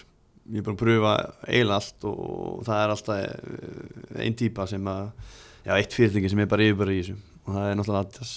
Það er bara þannig. Það eru breður að Predatornum voru þá sko heldur betur. Það var ekki- það var F50 líka ekkert í mann og Jú, jú, svo komu það allt eftir á hana og, en, en, en, þú veist, ég er búin að vera í Nike, ég er búin að vera í Puma og allt þetta og Puma er svona svipað náttúrulega og, og Adidas sko, ég ætla að bræðin hann byrja á þessu og allt það. En Nike er náttúrulega bara, mm, þú veist, einhver sýning að vara sko, þetta er bara eitthvað plast og, og, og þetta dripur á lappinnar og bakið og allt svolítið og sérstaklega komin efri, ár, efri árin sko í, í hérna ferlinu sko, þá þá er það bara helviti vond að vera í þessu skóum sko. þannig að Adidas fær alltaf vinningin á mér þeir hugsa um íþjóttamennina eða fótboltamennina sem er í þessu. Varstu eitthvað mikið pæli í litnum sem þú varst í? Já, alltaf eiginlega hvítur. Ég var mikið í hvítum sko. Alltaf bara IBF og allt það skilur og, og ég reyndaði alltaf að vera í, í hvítu sko. Það var það mann þú veist, margir vilja minna að þeir séu svona, of svona klöngi og kannski svona, finnst þeim vera kannski hægar í þá svörtum skóm? Já. og var eitthvað svoleiðis pæling? Já, mér fannst það. Þannig að það var alltaf bara hvítir. Já. en voru þú veist svona, voru litinir alveg komnir inn? Nei, þú veist, það var svart og hvít hana, hvít var að koma hann þegar ég var að byrja hann í IBF hana og, og, og ég man, sá mynda mér um daginn þar sem ég var í, í mitt predatornum, hvítum predator og var með hennar Beckham klippingun hann með, með hanakampin hann, var hann með 23 og með gjössana allt upp á 10 sko, fannst mér sko þannig að það var, þá var svolítið svona veist, það að byrja sko. Svo típa af, af predator sko. Svo kom, svo átti ég hvíta og gull eftir það. Þannig að, veist, og svo komu hann bláir og eitthvað svona skilur, þannig að þetta var svona að byrja á, Mm. á þessum tíma sko. Ég man eftir þegar ég fór á sjálfmótið 2003 eitthvað, þá var, maður í þessum hvítu predator. Já, þá var komið eitthvað svona, eitthvað svona gummidítill Já. eitthvað svona riffla og maður var alveg viss um það þetta hjálpa manni að körla heldur betur. sko. það var logið af okkur öllum að það veri 70% meiri líkur að hitta skeitinu og væri í skóm sem það alls ekki. Þetta var svo ógeðslega tjöngi sko, þetta var Já. alveg en maður trúður svona já, já, en ég átti ekki þá sko. Ég tók hennar típun eftir og svo bara eftir það sko. Þetta var alltaf sko hvítur sko í, í minningunum þá var alltaf að það var hvítur þá, þá varstu bekka megin. Eða fórstu í þessu svört og rauðu þá varstu sítan Já, einmitt, einmitt það var svona þeir tveir. Já, já hérna Ertu eitthvað búin að menta þig? Ég er búin að menta mig uh, smá. Ég, hérna, ég, ég er með diploma í, í háskólanum í, í Reykjavík. Ég fór í, í nám sem heitir Haftönd Nýsköpun í, í Vestmannum. Og hérna, uh, það var alveg glæni þegar ég flutti heim sko, þannig að ég fór í svolítið svona kynningaverkin með þá HR líka sko, sem er sagt, þessi grein eða sagt, þetta, já, þetta fag eða greinu, hvað, eða þessi braut er samstars samstar HR og, og, og háskólan Akureyri og hérna, það var mjög skemmtilegt maður læri helling á því Hva, hvað er þetta? Þetta er sem sagt svona hafðið nýsköpum, þetta er bara þú veist, það er verið að þetta er svona eiginlega sko sjávöldisbrautin í HA og viðskiptafærabrautin í HR sett einhvern veginn saman. Ok. Þannig að þú fær svona þessa business uh, hugmyndafræði inn í sjávöldin Einmitt. Og hve- hvernig eh, Hvernig ertu í skóla? Sko ég var mjög góð þá. Um, áður fyrr uh, var ég fýtt uh, þegar ég netti annars var þetta mikið bara að reyna að fara út í frímú í fótbolta og eitthvað svo leið sko. Og hérna svo fór maður í, í framháskóla þá varum alltaf að reyna að fara á klóstindi til þess að fara í, í, í bortinnis við uh, hina nefndina og vinnu mína og, og meira þess að kennara minn oft líka sko, eina, eina fitta þannig að hérna en uh, mér úst, þetta er náttúrulega þetta eru skemmtilega ár, sérstaklega svo framhalskóla árin og eldri árin í grunnskóla þetta er náttúrulega eiga að vera svona einhver skemmtilegast ár í- hjá krökkunum Mm. skilur og ég meina, maður fann svolítið til með þessu krökkur sem voru í, í sk- þessum árum í COVID, Já. bara fengu ekki neitt ekkert mentaskóla ballið eða neitt skilur sem að án að vera svolítið svona eins og því, skemmtilegu tími. En hérna, en jú, jú, starffræði og landafræði, ég var gaman að því sko. En það var svona það var hérna líffræðin sko, mér fannst það hundleðilegt það í, í líffræðinni sko. Og svo allt svona góð ljóðadót stuðlanir og þetta, mér fannst þetta hundleðilegt sko. Þannig, þannig ég var ekki þar. Nei, nei. Uh, Manst eftir, eftir, einhverju vandræðilegu augnabliki Það er náttúrulega aft, kannski aftur á hérna strækir minni Já, það er svolítið strækki menni sko, það Já. er alveg svo er sko, ég bara ég spurði mér þess að konun alltaf ekki að sko, hún manir ekki heldur leftir neinu sko, eða þú er ekki að viðkynna sko, Nei, þannig að ég hérna nei, bara því miður, bara það er bara passa á þetta sko eftir svona típa sem að er þannig uh, verður ekkert svo mikið vandræðilegur kannski ja. Jó, maður, ég er náttúrulega alltaf að, að þykjast einhver töffari þegar maður hittir fólk og eitthvað svona skiluru og það hefur potið komið alls konar vandarlegu augnablik þar sko, en maður, eins og ég, maður er bara fljótur að gleyma og það er bara áfram gagg Einmitt. það er bara hann sko Hvaða þrjá leikmenn eða, eða þjálfara tækjur með þér á eyðegi og af hverju? Já, þessi er helviti góð sko. Ég er hérna um, Þessi er mjög góð. Ég hugsaði að ég myndi taka uh, Jökul Elisabethar Já, Pekkar Djóla og, og svo Kristján Ronaldo. Já, uh, Ástæðan er að, að, að ég uh, Jökull og, Pepp myndu bara fara í, í, í að tala um fótbolta og, og þjálfunumfræði og allt þetta sko svo myndi ég bara segja Kristjánu bara að fara að synda og hérna reyna að finna ein- eitthvað, annað til þess að, að koma okkur í burtu hana sko. Það er bara þannig. Ég, hann, hann er það mikið vel fyrir mér að hann myndi potti klára það sko. þannig að við myndum bara sitja og chilla hann og, og spjallum fótbolta og, og, og þjálfun og fleira hérna. já. Og já. Það er bara, bara gott frí. Mér- Já, mér- bara í að til hann, þetta er ekki á sólarstund, eða ekki sól, Jú, sól, jú, jú, jú. jú, já, flott. En þetta er áhugaverð nálgun allavega Já, Ah, herðu Ertu með einhverja störlaða staðreind með sjálf þig? um,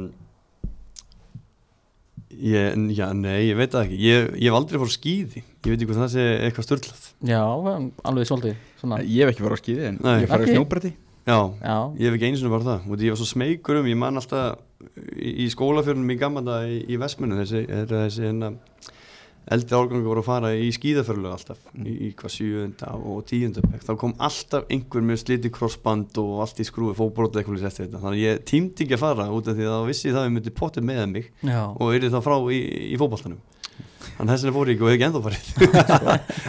Þetta var líka svona tíkast líka í grunnskóla hjá mér allavega. Þá vorum svona skíðaferðir. Já. þá voru- fóru allir töffarinnir á snjóbrettin sko. Þá var svona, þá maður langa á skíðin þá ætti maður þá alltaf á snjóbrettin Já, einmitt, einmitt Já, þegar ég var engin, þú veist, hann var svo lítum hann var einhvern snjóbrettin einhvern veginn að rétt að byrja, sko. Mm. þannig að þetta var meira svona skýði, sko þannig að, já, já, það, þú veist jú, jú, segjum það bara. Já, já. það sé styrlustarinn En ég er þetta með störðlega staðrind já, Þú náttúrulega ert, þú ert ein íslendingurinn sem hefur orðið markakongur í allsvenskan. Já, já það? Já. ok, nice. Já, það er enda svolítið styrlað Það er náttúrulega eru ófáir já, íslenski leikmenn sem hafa spilað í allsvenskan. Heldur betur. Já, þú segir nokkuð Var ekki, Þannig staðrind Guðjónsson var líka hann að veit ég, hann gerir heldur vel hann í hekken. Var ekki vökin einhver tíma nálsu Hann var í Malmö allavega. Jú, Já, já, það er það er já bara cool. mér minnir þannig að blengt tíma einhver tíma að, að hann hafi spilað hálft tímabil. Já, var langmarkaðistur, hann var Já. næstu, næstu í markaðistur þannig að já, þó að hann hafi bara spilað hálft já, tímabil nákvæmlega. Þannig að en hann því ekki alveg. En hérna, já, já ok, þá veit ég það, þetta. það, það er mjög gott það er mjög gott, það er mjög gott. Uh, hvaða leikmar hefur komið mest á óvart eftir að kynstónum og af hverju? Um,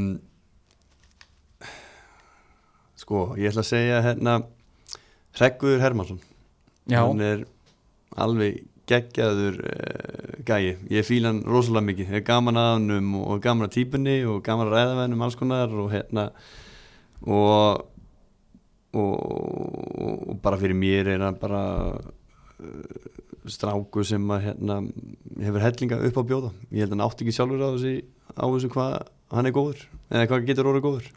Og hérna hann vonandi að hlusta bara og við, við tökum bara gott sísón núna og, og hérna æfum vel og, og þá verður hann bara komin á náttúrulega stað sem hann vill vera á. Það er bara hannig ég held, ég held líka sko ef ég mann rétt þegar að hérna Alex Bergman, leikmarið þinn þegar hann kom til já, okkar já, þannig að hann hafi einmitt minnst á hann að hann, hann geti verið skemmtilegur hérna Já, til hann- okkar sko. já, hann er það. Hann er skemmtileg, já. skemmtileg típa. Já. ég er gaman þessi típu. Uh, hvað finnst þér svona skemmtilegast að að drilla á æfingum? Sko, ég eins og ég vil spila fótbolta þá vil maður svona reyna að spila þennan hennan nútíma fótbolta inn að gæslepa og hérna, þannig að ég leggur rosalega mikið upp á possessioni og, og transitioni. Ég vil halda í boltan og hérna og ég vil ná boltanum eh, á viss svæði á vellinum og, og, og þegar boltin er komin á viss svæði á vellinum og þá vita bara þessi leikmar og þessi leikmar og þessi leikmar nákvæmlega hvað þeir eru að gera og þá er þetta alltaf bara uh, leikmann sem er boltan ákvað hvaða leið við ætlum að fara að markinu sko. þannig að hann sem velur leiðina að markinu sko. og, hérna, og svo bara þegar við komum nálægt nálægt, nálægt hérna, tegnum að þá, þá vita menn hvert þeir eru að fara og, og hvert þeir eru að gefa hann og, og það er þá bara fyrir þig sérstaklega sem strækir að, að vera á þínu stað út af því að þú getur alltaf skora mörg það er bara þú ert að hitta markið og, og, og fram með markmenninu. Einmitt. Var það bara þú veist þess- þessi taktík sem er svona skemmtilegast að drilla? Já, mér er possession og transition Já, já. finnst mér skemmtilegast. Einmitt. En hvað finnst þér svona þá leiðilegast að drilla?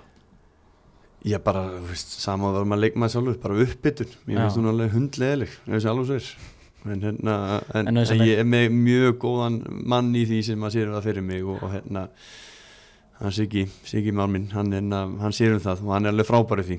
Einmitt. Eh, ef þú fengir eina spurningu til að spyrja hver sem er hver er þið spurningin og hvern myndir þú spyrja? Já, þetta er náttúrulega galin spurning sko. maður er ekki smá mikið sem að maður gæti spurt sig sko. og hérna, þú veist, ég ætti náttúrulega bara það er ekki þetta að velja eitt sko, þú veist, ég var ekki að hugsa þetta og hérna á leiðinni og þú veist, jésus, það það verið gaman að spyrja, þú veist Jimi Hendrix hvernig var að spila hérna Woodstock 69, það verið gaman að spyrja Óli Gunnar Solskjær hvernig var að skora úrslutamarki á múti bæði munn hérna í Champions League. Hvernig fílingurum var þá og það er líka að spurja Asli Cole hvernig, af hverju anskutunum var að af hvernig hann var að halda fram í og Cheryl Cole á þessu tíma hann, þú veist, þannig að þú veist, það er að spurja fullt af spurningu, sko, þannig að eitthvað að þessu bara, sko. Já ég er mögulega með svarið hérna hjá, hjá Asli Kól hann er haldið vittlust Já, hann er eiginlega bara að sanna það sem að segna meira, hann er algjör villis Já. Svo mætti hana með hana, gleymist ekki hérna þegar hann mætti með á æfingasvæði hérna um, hvað heitir það, svona uh, airsoft hérna bissu Já, svona loft Já, svona loftbyssu, já. og er að skjóta á hérna á ungustrákana Já, einmitt, já, já, já, já, þetta eru Algjör Þetta er ekki bara NFL, þetta er líka í, Já. í enska bóttunum Já, Já, já er já, Herðu, þá erum konum við hinna hliðina og þannig að kannski Já. bara förum við í, í ferlin uh, Steppið, þú kannski með það fyrir fram að tekur Já. keflið Náttúrulega Þannig að samkvæmt KSI þá er þetta byrjar, byrjar um IBF 99 ok, já, og síðan endar þetta með IBF 2018 leggur skóna hillina 36 ára. Mhm. og það er kannski svona bara, svona, bara yfirferði við helstu liði sem hún ferði, fer í Hamstad það er náttúrulega markastu þar. Já, fyrir hérna Gullfallu bær geðveikubær og bara eh, eitt svona skemmtilegasti sko sumarstaðu sem þú getur farið á sko. ég held að bara eins og við Íslingar við þekkjum bara tenni sko hérna en það er að gera helling í Skandinavíu sko Já. og, og þessi staður er náttúrulega ég held að búið einhvern að ég bjóð hana, það voru einhver 50 mann sem búið hann yfir, yfir vitatíma og svo voru 250 mann sem bjúið hann yfir sumatíman Já. ástæðan bara einföld, það er bara gott viðurna og það er til við sandana og það eru strendur og golfvillir og allt hana geðveik stuð hana þannig að ég naut mín rosalega vel hana, mér var skeggjað að búa hana og, og, og, og hef alltaf töðu til Hamstætt sko, Heimabær uh, hérna bæði Janni Andersson og. Beisandir það er bara þannig. Og, líka Per Gisli hann í hérna Roxette, Já, hann er líka hann. Smá Já. trivia Já. Vin- Vinkona mín hefða hún, veist, hún er svona þilröta þannig Já, ok, já, já, já, já. Nei, þetta var ógeðslega næst tími og, og, og hérna, ég fer náttúrulega, þú veist, innan gæðislega verður að tala um að fara seint út, ég fer út þarna 2004, ég er 22 ára, sko, þannig að margir tala að hann er bara, þetta er bara búið, sko, en ég var einhvern veginn, fannst ég aldrei verið einhvern veginn, eða, veist, mér langa bara að gera fyrst eitthvað á Íslandi, áður en að, að hérna, ég myndi fara út og sérstaklega að menta mig, klára framhaldsskólan og fleira og, og hann ég geti þá farið í háskóla lengstar og þetta er ekki áður fyrir var þetta ekki eins og þetta er í dag það geta allir bara að fara í, í utanskóla og áfram gag sko, í genið neti sko þetta var ekki, mm. úst, þetta er Mhm. helviti langt síðan, nei en allavega þá hérna já, fer ég hann og ég fer úr íbjöða þar sem við erum í svona titilbaróttu uh, endi með öðru sæti hennar og, og maður er náttúrulega þakkláttur IBVF og, og Magga Gilva á þeim tíma sem var með mig þá að leiða mann að fara og, og svona upplifa draumi sinn að vera aðtunumæður og, og hérna, taka þetta næsta skrif og, mér fannst frábært þegar ég, ég, kemur til Hamstað og tekur Janni með á fund og hann segir bara basically við mig bara þú ert bara að hugsa fyrir næsta ár við erum með hérna Markus Rosenberg sem var markaðastu þá og hérna hann var má, lánu á Malmu þannig að ég átti bara að fara úr þessu þessu hérna þessu áhuga manna umhverfi á Íslandi og, og bara koma með einhvern veginn inn í þetta profession umhverfi sem var hann í Hamstað sko. Þannig að ég fekk þá þessa tvo mánuði hann við vorum í titibarðunum með Hamstað líka þá sko töpum við mitt hann síðasta leiknum með eitthvað og hvort að við töpum einusti markatölu, þetta var alveg brútal sko. En það hefur verið gaman að vera bara sænsku meistar inn að gæðsalappa hann fyrsta tímpil og upplega það sko. Mm. en hérna en þetta var alveg frábært tími og, og, og, og svo fæ ég svolítið bara svona svolítið keplið, æfði svo skeppna hana um viturinn og, og fekk nú ekki alveg tækifæri hana í, í, í, í byrju mót, við vorum ég held að þessi sjötta eða sjöund umferð þá fæ ég fyrsta startið mitt í félaginu. Já, ok. Og ég var svolítið, orðin svolítið þreyttur og var nú bara að spila alla leiki í og, og vera gæði sem átt að skora mörkin í öllu liðinu mínum og, og, og, og þannig alltaf lendir maður á vegg og stæðið fyrir að gefast upp að, þá held maður áfram en ég var mjög náláttið að koma bara aftur heim og á láni sko. Þannig að veist, kannski eru mögulega einhverju pegjar að gera þetta í dag finnst mér að hætta og snemma úti gefið sér ekki alveg séns og þú, þú, þú farð uh, hurðin í andlitistundum og þú verður bara að standa upp og halda áfram. Þú veist, og kildur niður og bara þarf að standa upp. Staðið fyrir að gefast upp inn að gæðsalapa finnst mér. En hérna en ég fekk síðan tækifæran í, í, í sjöundum ferð og, og, og hérna og við unnum þann leik fjögur eitt og ég gerði Greifst gæsina. Já ég gerði það, tók hérna ég, ég lagði upp ykkur þrjú mörk eða eitthvað í þessu leik og, og, og byrjaði sem leikið þar og eftir líka og, og þar skora ég já, fyrstu þrjú mörkin mín fyrir félagi sko, svo bara var þetta bara snjóbolti sem að hætti ekki að rúla sko, við fórum í Everfkeppnina, gerum mjög vel þar unni Sporting Lissabon. Um, í að þá uh, til þess að komast í reyðluna sko, í UEFA Cup, veist, þetta er ekki eitthvað sambandstilda dót sko, þetta var bara UEFA Cup sko. Já, þannig að hérna, þetta var reysastóð þeir voru sem sagt meistar ári áður sko. en það var eitthvað það var eitthvað vesen á klúpnu sko, eitthvað fósettinn og aðdandur og leikmenn þetta var eitthvað vesen, þannig að það var einhver tíma sens fyrir litla hamstað að gera eitthvað á móti Sporting Lissabon, Mm. þessu stóru félagi að þá var það þarna og, og það gekk upp. Það var ótrúlega minning. Nú er náttúrulega þannig einn annar eða leikmaður sem er kannski fyrir ennþá mér eldri út en þú fyrir út hérna Mm. komið til hans stað hérna Bytti, Byrnir Stæningason já, hvað hérna, þú veist uh, Hvað myndir þú segja við hann til dæmis? Hérna að ráðleggjónum að gera hann úti, þú veist, þú þekki klubin vel. Já, bara passa sig á mondagsklubunum sko. Nei. Nei, nei sko, ég menna eins og fyrir hann veist, ég náttúrulega fylgdist mikið með honum í sumar og, og hérna, og, og var hreifst mjög á honum og bara ég og veist, eins og margir en á Íslandi við bara býð eftir hann, hann springi út og verði þessi leikmann sem hann var í sumar sko, og, og hann hefði alla burði til þess og, og einhvern veginn bara smatt þetta núna í ár og frábært að sjá það og, og, og ég menna þó að sé komin á þennan aldur ég meina, eins og ég saði henni í byrjun ég meina, þú veist, lífið er bara einhverju kaplar og, og, hérna, og ef þú hefur tækifæð til að pröfa eitthvað annað og gera eitthvað annað og, eins og ég, þróa sjálfa þig og, upplifa annað, þá bara gerur það skilur og hann fæði tækifæð til þess annað og fæði fyrir í flott félag, þú veist, þetta er góðu klubur og, frábæra stað og, veist, allt það, en, en, en auðvitað verður þetta um, þetta er ekki vikingur skiluru þetta er ekki klúbu sem er alltaf í toppardunni þetta er klúbu sem þarf að hafa virkilega fyrir því að vera í allsvenskunni og sérstaklega núna mm. og vera alltaf upp og niður og lítið peningu til. En ég vissi það og ég fór mitt kíkti á það fyrir einhver tveim ára sín og þá sögðu það, við þurfum að halda okkur uppi á næsta ári til þess að geta þá rétt skútun einhvern veginn að, komast á núli einhvern veginn þannig að við getum sem byrjað þetta og, og, og þannig að vonandi er þessi tími að fara að byrja hamsta aftur út þegar þetta það eru ótrúlega margir leikmenn sem hafa komið þaðan og, og hérna klúbunum hefur gert rosalega vel finnst mér með við hvað þetta er lítið staði sko. og við verðum alltaf markaðstjórna og, og ferður sín bara í sömarið kjálfar á því?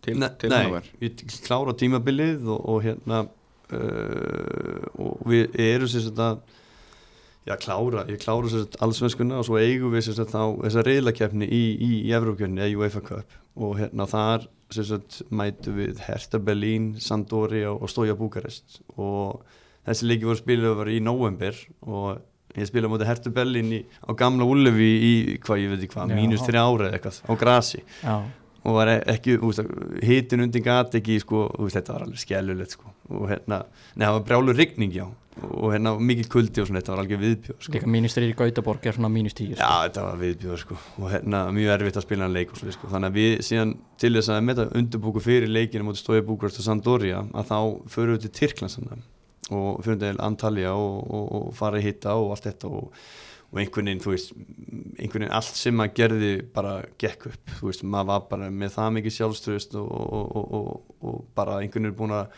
læra inn á sjálfa sig og liðið og vissi nákvæmlega hvað maður þurfti að gera til þess að, skora mörkin, skilur, og, og gera vel fyrir liðið, að þá hérna að var maður á þessu stað, á þessu tíma. En svo það sem gerist í þessari æfingarferð er að ég er fótbrotna, sko. Já, og sem svolítið miður út af því að það var rosalega þú veist, maður hefði alveg auðvitað getið tekið sko stærra skrif heldur en Hannover 96 hann í, þó að það sé reyðist og skrif í búndislíkunni sko, skilurðu, eftir þetta sko en, hérna, en það voru rosalega margir sem voru að fara að koma á hana Sampdoria leik sem var hann eftir þessu og hérna, sem hefði getið kannski fyrir getið enda einhvern öðru sí eða þú veist, maður hefði orðið öðru sí en, en maður lítur einhvern veginn á það að, að aldrei lítið tilbaka, bara að halda áfram og læra þessu hluti sem maður er búin að e, lendi og, hérna, og reyna bara að gera, gera, betur næst sko.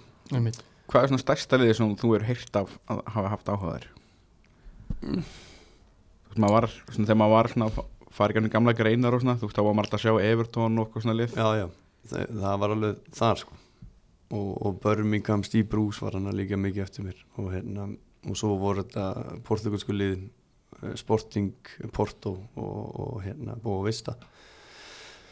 Og Benfica já, þessi fjóra hann og, og þetta voru einhver spænskli líka Real Sociedad og Santander og eitthvað. Það var alveg, þú veist, það var bara það sem ég heyrði sko, skiluru og hérna og, og, og svo náttúrulega Hertha Berlín líka, líka í þessu sko.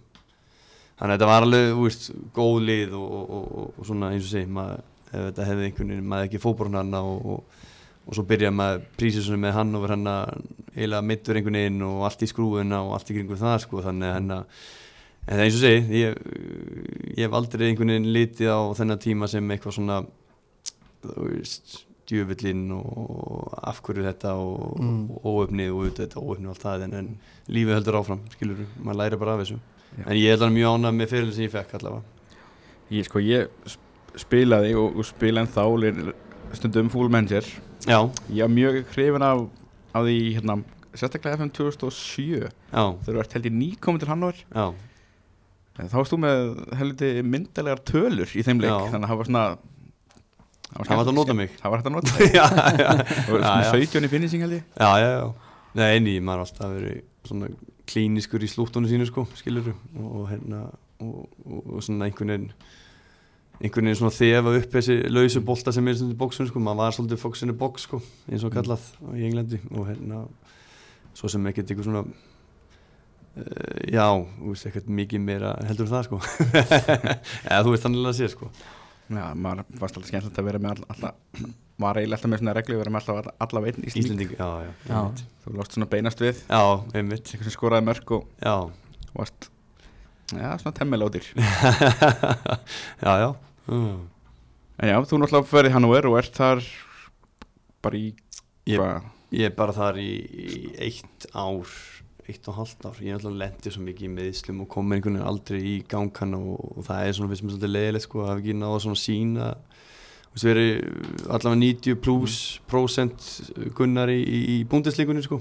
Og hérna en ég endaði sem náði þess að taka það ákvörðun að fara aftur til Skandinavíu það sem að, veist, það var ólenga í Norri sko og hérna, og það var bara að vera að sprauta maður fyrir leiki og, og ég einhvern veginn úst, Íslendingur á gamla skólanum sem er bara, úst, bara barátta og býta á jakslinn og, og hérna, halda áfram og svo leys og þá var maður bara að spila 60% eða hvernig svona það var sko. Já, þannig að það var svona eftir á higgja hefði maður vilja svona úst, ég myndi ekki gera þetta í dag skilur þú, út af maður er búin að læra þessu sko. mm. þannig að það var svolítið svona leðilegt Og síðan náttúrulega ferði til Esbjörg já, 2008 Já. Og ert þar í alveg smá tíma. Já, Ferði til Emmitt Redding. Og hva- Hvernig var svona, ég ger ráð fyrir því svona kannski svona draumur flestar sem fara út er að enda á einhverjum einhver tímapunkti á Englandi. Já. Svona náðu því að maður náði það- að fara eitthvað inn, hérna- eitthvað inn, inn, inn um dyrnar hana en, en ekki samt eins og maður kannski hefði viljað. Ég er náttúrulega veist ég fyrir til ESB hana og af því að hérna það var í þjálfur það sem hefði mikla trú á mér. Og, og, og á þessum tímabúti þá erum við ég og frúin að eignast okkar fyrsta batt saman. Mm. og við vorum bara tvö úti og, og hérna og voru svona tvö að stúsast í öll einhvern veginn og maður var svona helviti þreyttur og svo komu sveflus og nætunar og, og, og, og hann var svolítið erfiður hann á þessu tíma og, og, og ég man alltaf eftir bara í þessu ég man leikum út FCK minni mig og, og það kemur hotspinna og það er alltaf farin að fara þú veist yfir það deginum áður og á, á leikti sko hvað hvað átt að gera inn, inn í teiknum eða hvert er þitt hlutverk í, í hotspinnum og fleira sko. Og ég man ekki neitt sko. Bara gjössalega ekki neitt sko. Vissi ekkert hvað að gera sko. Þannig ég var bara, já, mjög þreyttur hann og, og, og, og allt það. Og að þetta gekk ekki alveg upp uh, það sá hluti á tímabilinu. En, en því miður þá voru bara að tapa alltaf mörgur leikjum hann og, og, og, þessi þjálfari verður sérst reikin og það kemur annað þjálfari inn og hann, við náðum bara ekki saman. Hann er, var einhvern veginn svona af gamla skólinu sem ég var ekki alveg að fíla og, og var svolítið að flýja úr Þýskalandi og, og vildi ekki fara í þetta í, í, í Esbygg í Danmörku. Þannig að ég vildi svona komast að láni eða láta selja, eða veist, fara á sölu og klúburinn var ekki alveg þar og, og þetta var eh, alls konar sögur og, og leiðindi fannst mér. Og, en, en ég næði að fara sem til redding og, og, Fredristan líka á þessu tími árið fyrir sinni í burtu frá til Nörsiping en, en sko ef við tökum bara eins og redding sko að það var alveg frábært að komast ángut að þeir höfðu líka á á mér hann þegar ég var í Hamstað sko. Þannig að þeir vissu alveg af mér sko. Þannig að þeir gáðu mér svolítið sen sem ég fór að træja og gerði bara vel og, og fekk þetta halva ár hana með þeim og en bara því miður það voru, eða, veist, þeir voru ekki að skora neitt rosalega mikið, vantaði sendi sem skoraði. Svo kemur henn inn og, og, og jú, ég skora einhver tvö mörk í æfingarleik hana og, og gengur allt og, en svo átti ég að spila þennan margum tala Leopold-leik, þar sem að Gilvi skorar hana úr vítinni hana, tekur Pep hana munið eftir því kannski, hann spilaði þar Já. þann leik, ég átti að spila þann leik en pappinu var ekki komin í gegn og, og, og þannig að ég fekk ekki að spila. Þannig að ég satt upp í stúku. Og það er einn leikmaður sem að fekk tækifæri þá, sem var búin að fá mörg tækifæri var ekkert að skora neitt og var ekki að gera þessa hluti sem að var allast til hann og hann heiti Shane Long. Já, já. Þannig að svo byrjaði hann að skora í þessu leik og svo skora hann líka í leikninu þar eftir og svo bara hæ- hætti hann ekki að skora. Þannig ég var einhvern veginn komst aldrei svona, fekk einhvern alvöru sjens til þess að sína mig og sanna í þessu dild sko, Já, já. Sem var svolítið leiðilt sko. En náttúrulega bara, þú veist Shane Long er bara frábær strákur og, og, og, og, og við erum bara fínir vinnir hann sko, þannig hérna þannig að hérna, eins og sé þú veist, þetta er svona og hefði alltaf í þessu einhvern veginn sko En svo segir Gilvi þannig að er hann í retting hann hann, já. Margir Íslendingar sem að voru í rettinga í kringum þetta tímabil Hverju hverju voru þannig þegar þú varst? Brynja Björn og Ívar Ingimas Já, hérna. bara bá, báðir. Þetta var alveg mjög skemmtilegu tími fannst mér og maður skildi alveg allir tala um að engla sig homofútból og allt það sko, þannig að maður svona þannig að verandi orðin, þú veist vera nálgast þrítust aldurinn að vera svona, ah, djúvill, maður er að fara fyrringað, Já. skiluru en þú veist, maður fekk að pröfa þannig eitthvað Já, fekk næst að þegar þessu einmitt. Ferði í Norrköping eftir þetta þegar ekki, segir Jú, Jú, Já, þetta er, að, þú veist, þú ferði í Fredrikstad. Já, og sér eftir skráður og kemur heim til IBF Já. 2011, Jú, jú. en þú spilar ekki. Nei, það er sem sagt ég saði við og Heimi Hallgrímsfrændi var með íbjöða fanna og, og, og, og, og hann var alveg stanslust í mér hann að því ég var í SPK að reyna, ég var að reyna að losa mig. Að fá mig aftur heim og, okkur, sko, og þá er kona minni mitt ólita öðru barn okkar og, og við hugsaum bara að við vorum að byggja hús í Vestmannum og, og bara koma bara heim og hún myndi bara fæði eigum og, og ég myndi kannski taka hálft tímabil með IBF bara til að koma svona inn í, inn í grúfið aftur sko. Og hérna en ég sagði þess að við þá, þú veist, ég myndi ekki eh, þú veist, ég er ekkert að halda án fyrir úti bara til að vera að halda án fyrir úti, skiljum þú veist, ég sagði nei við fullt að liði sem ég fannst bara ekki nægilega spennandi og ekki alveg kannski það sem ég þurfti á þessu tímapunkti, mér fannst ég ekki vera búinn, sko, alls ekki, sko. Og hérna, en ég sagði, ég get alveg skrifa undir en, en, en bara þið viti það, þá ég halda þessu opnu að ég get þá farið ég held að þetta lók í glukkin hann lók februar eitthvað skilja ég man ekki alveg hva- hvað tíma sem ekki var sko.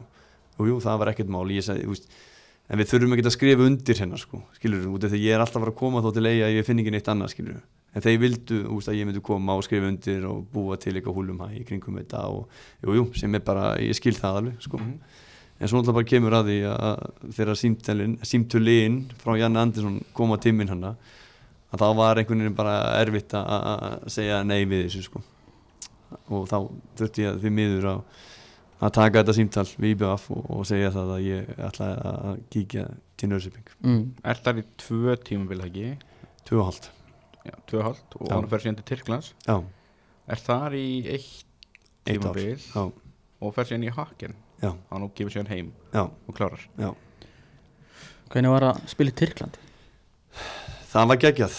Þú veist, það var eins og þú veist, við fótum Nörsiping og, og, og okkur leið ógeðslega vel þar. Frábærklúpur og mikil íslendinga hefðana og, og, og bara fólki í kringum þetta fílar þetta íslensku geðvíkuna, þú veist yngar afsaganir, þú veist það bara áfram gakk og kjæftæði sko. Og hérna þannig að okkur leiðir rosalega vel þar. Svo er ég að vera samlingslega þarna og, og, og hérna og er bara þannig með Svíþjóð sko, ef þú ætlar að fá einhverja stóra stjórnundur að koma sko, að þá getur sko fengið á þegar þeir eru fyrir utan Svíþjóð getur gefið signing bónus það sem er bara 20% skattur á því skiluru en mánalaunin er aldrei há skiluru Já, en ef þú ert búin að vera í Svíþjóð og spila í Svíþjóð þá er, kostar helviti mikið eða þú veist, segjum við fáum miljón og þá ert að borga síðan helviti mikið skatt skiluru af signing on fínu til þess að hérna eða veist, það verður ekki mikið eftir sko. þannig, að, það er mjög erfitt fyrir sænskliðið að framleikja samninga við góða leikmenn skiluru, þess að fara margir taka bara eitt samning og fara síðan einhvern annar sko. og hérna og ég var búinn að vera hana og þeir reyndu að gera allt sem ég gátt til þess að halda mér, buðu mig alveg ágætið samning en, en það var bara einhvern veginn sá tímapunktur hjá okkur fjölskyldunni bara ætlum við að vera úti í Svíþjóð og vera bara svíjar eða ætlum við að, fara heim einhvern tíma og hérna á þessu tímapunkti þá hérna var tengdababbi minn uh, búinn að lendi í slisi og, og við vildum svona reyna að ná tíma með honum þannig að við ákveðum að, hérna, að fara til Íslands. Og þá hrýndi ég bara í umbúðsmennin minni og sagði bara, herru, þið bara finni bara eitthvað félag einhver staðar, einhver allt öðru landi og einhver allt öðru kúltu sem ég ekki verið í og bara, já, eins mikið pening og við getið. Já, og þá kom konjaspor upp. Og hérna og það var algjör sirkus kringu það ég það sem getur að fara eitthvað dítil en, en, en, en þetta var öðru kultúr. Mm. Uh, ég man eftir á, á fyrstu aðeingun þegar ég var hann íslendingun alveg öskand og gargand og alla að fá alla með mér og, og, og reyfa sér raskatið og allt þetta skilur og gera eitthvað tempo úr svo æfingu. Að þá kemur til minn leikmaður og, og, sem var Evropabú, eða sem var Portugali og hann kom til minn og sagði Gunnar bara þú vitið það sko. Þú, þú getur ekki komið með þitt svona þitt svona work ethic hingað. Já, þú veist þá ertu bara út úr. Já. Þú þarft að færa á þeirra plan sko ef þú ætlar að vera hana þannig að, ok, veist, það var bara eitthvað gimme five og ég, ég þóldi þetta ekki sko, þannig að Nei. þetta var bara eitt tímbil og svo bara burtur sko. Ég er að renna yfir hópinu það er Alexander Hleb kemur kemur hann á eftir eða er hann á saman tíma til þú? Við erum á sama tímabilinu sko, en hann- ég, hvort það komi aðeins og eftir mér að sko sæna undir sko. Mm. Hann spilaði eitthvað með honum Já, já, já, Já, já. Hvernig, hann var, hann var nú heldur góður er helviti góður. Hann er nú bara einn af þeim betur sem ég bara spila með. Já, hrikalega hrikalega, ég dyrka þessa típu þessa svona þessa blett típu, hann raunandi við allt og alla hana og, og engi skildan og það er bara blatt út um allt sko og hérna en sko touch í hjá honum og fótballskilningu var bara hver öðru levelur sko, já, já. Geggjaður sko. Hvernig var að spila, náður að spila heima öll í Galatasaray og svona? Já sko fyrsti leikur var móti Fenerbahce á heimavalli og, og, og þá var þess að Konjaspor uh, nýkomið upp úr sér sagt á fyrstildinni og, og Fenerbahce og sko í Tyrklandi eh, þú veist, þú heldur með hennar Konjaspor en svo ertu líka annarkot Fenerbahce eða Galatasaray Já, það er bara þannig það eru tvö stóra félagin sem allir halda með annarkort og svo heldur líka með hinulegin sem er í, í borginni sko. Er, Besiktas ekkert inn í þessu? Eða? Nei, ekki þannig sko það er bara einhver hluti af, af Istanbul sem er það sko já, Mm. en, en, en þetta er bara Feni eða, eða Gala sko það er bara þannig sko Síðan í setjum tíð Istanbul Istanbul Basik- spór eitthvað já, hérna, HB. Basa- Basaki. Basakshir Já, sem spilaði þarna. já, Já, já, er ekki Það er, er svona- Erdogan eða eitthvað í mér, finnst svona, það er svona til dæna að mér finnst allana það er svona til dæna ný komi sko. Já, Þeir eiga það er til dæmis komið Þeir eiga náttúrulega bara svona tíu stundismenn sko. Já, að þeir mættu allir Já. í kóbóin Já. já, já, þetta er alveg stundismenn, við getum sagt það. Og, og, og, og spilum með þennan leikum með Fenerbahce þegar það var gjössalega pakkað hana og, og því líkur læti maður og við Bliss og Já, blís sko, það, það var heldur betur blís það var bara, það sást ekki neitt líku við hann á tímabúli og hérna þannig að þetta var alveg geggjað og, því líku upplifun að að spila hann að leik og unnu síðan þrjú tvö sko og við þurftum að spretta að vellinu sko það var bara fólk að koma inn og það var allt vitlu sko. Og það var bara kossar út um allt og alveg bara, þetta var ótrúlegt sko. Já, því líku upplifun sko. Þannig að þetta var þetta var mjög skemmtilegt. Já, það var öðru sig, það var skrítið og allt það en, en, en, en svona eftir að heikja úst, tala um þetta núna eða úst, þegar maður er gaman kall hérna og ell og að fara yfir svo sögur þá er þetta heldur skemmtilegt sko. Já Þetta er, hana, þetta er svona öðruvísi mjög, mjög. Já, leggur síðan skornu alltaf hilluna 36 en svona kannski aðeins landslýsferillin Já. Þú skráður alltaf með 24 leiki.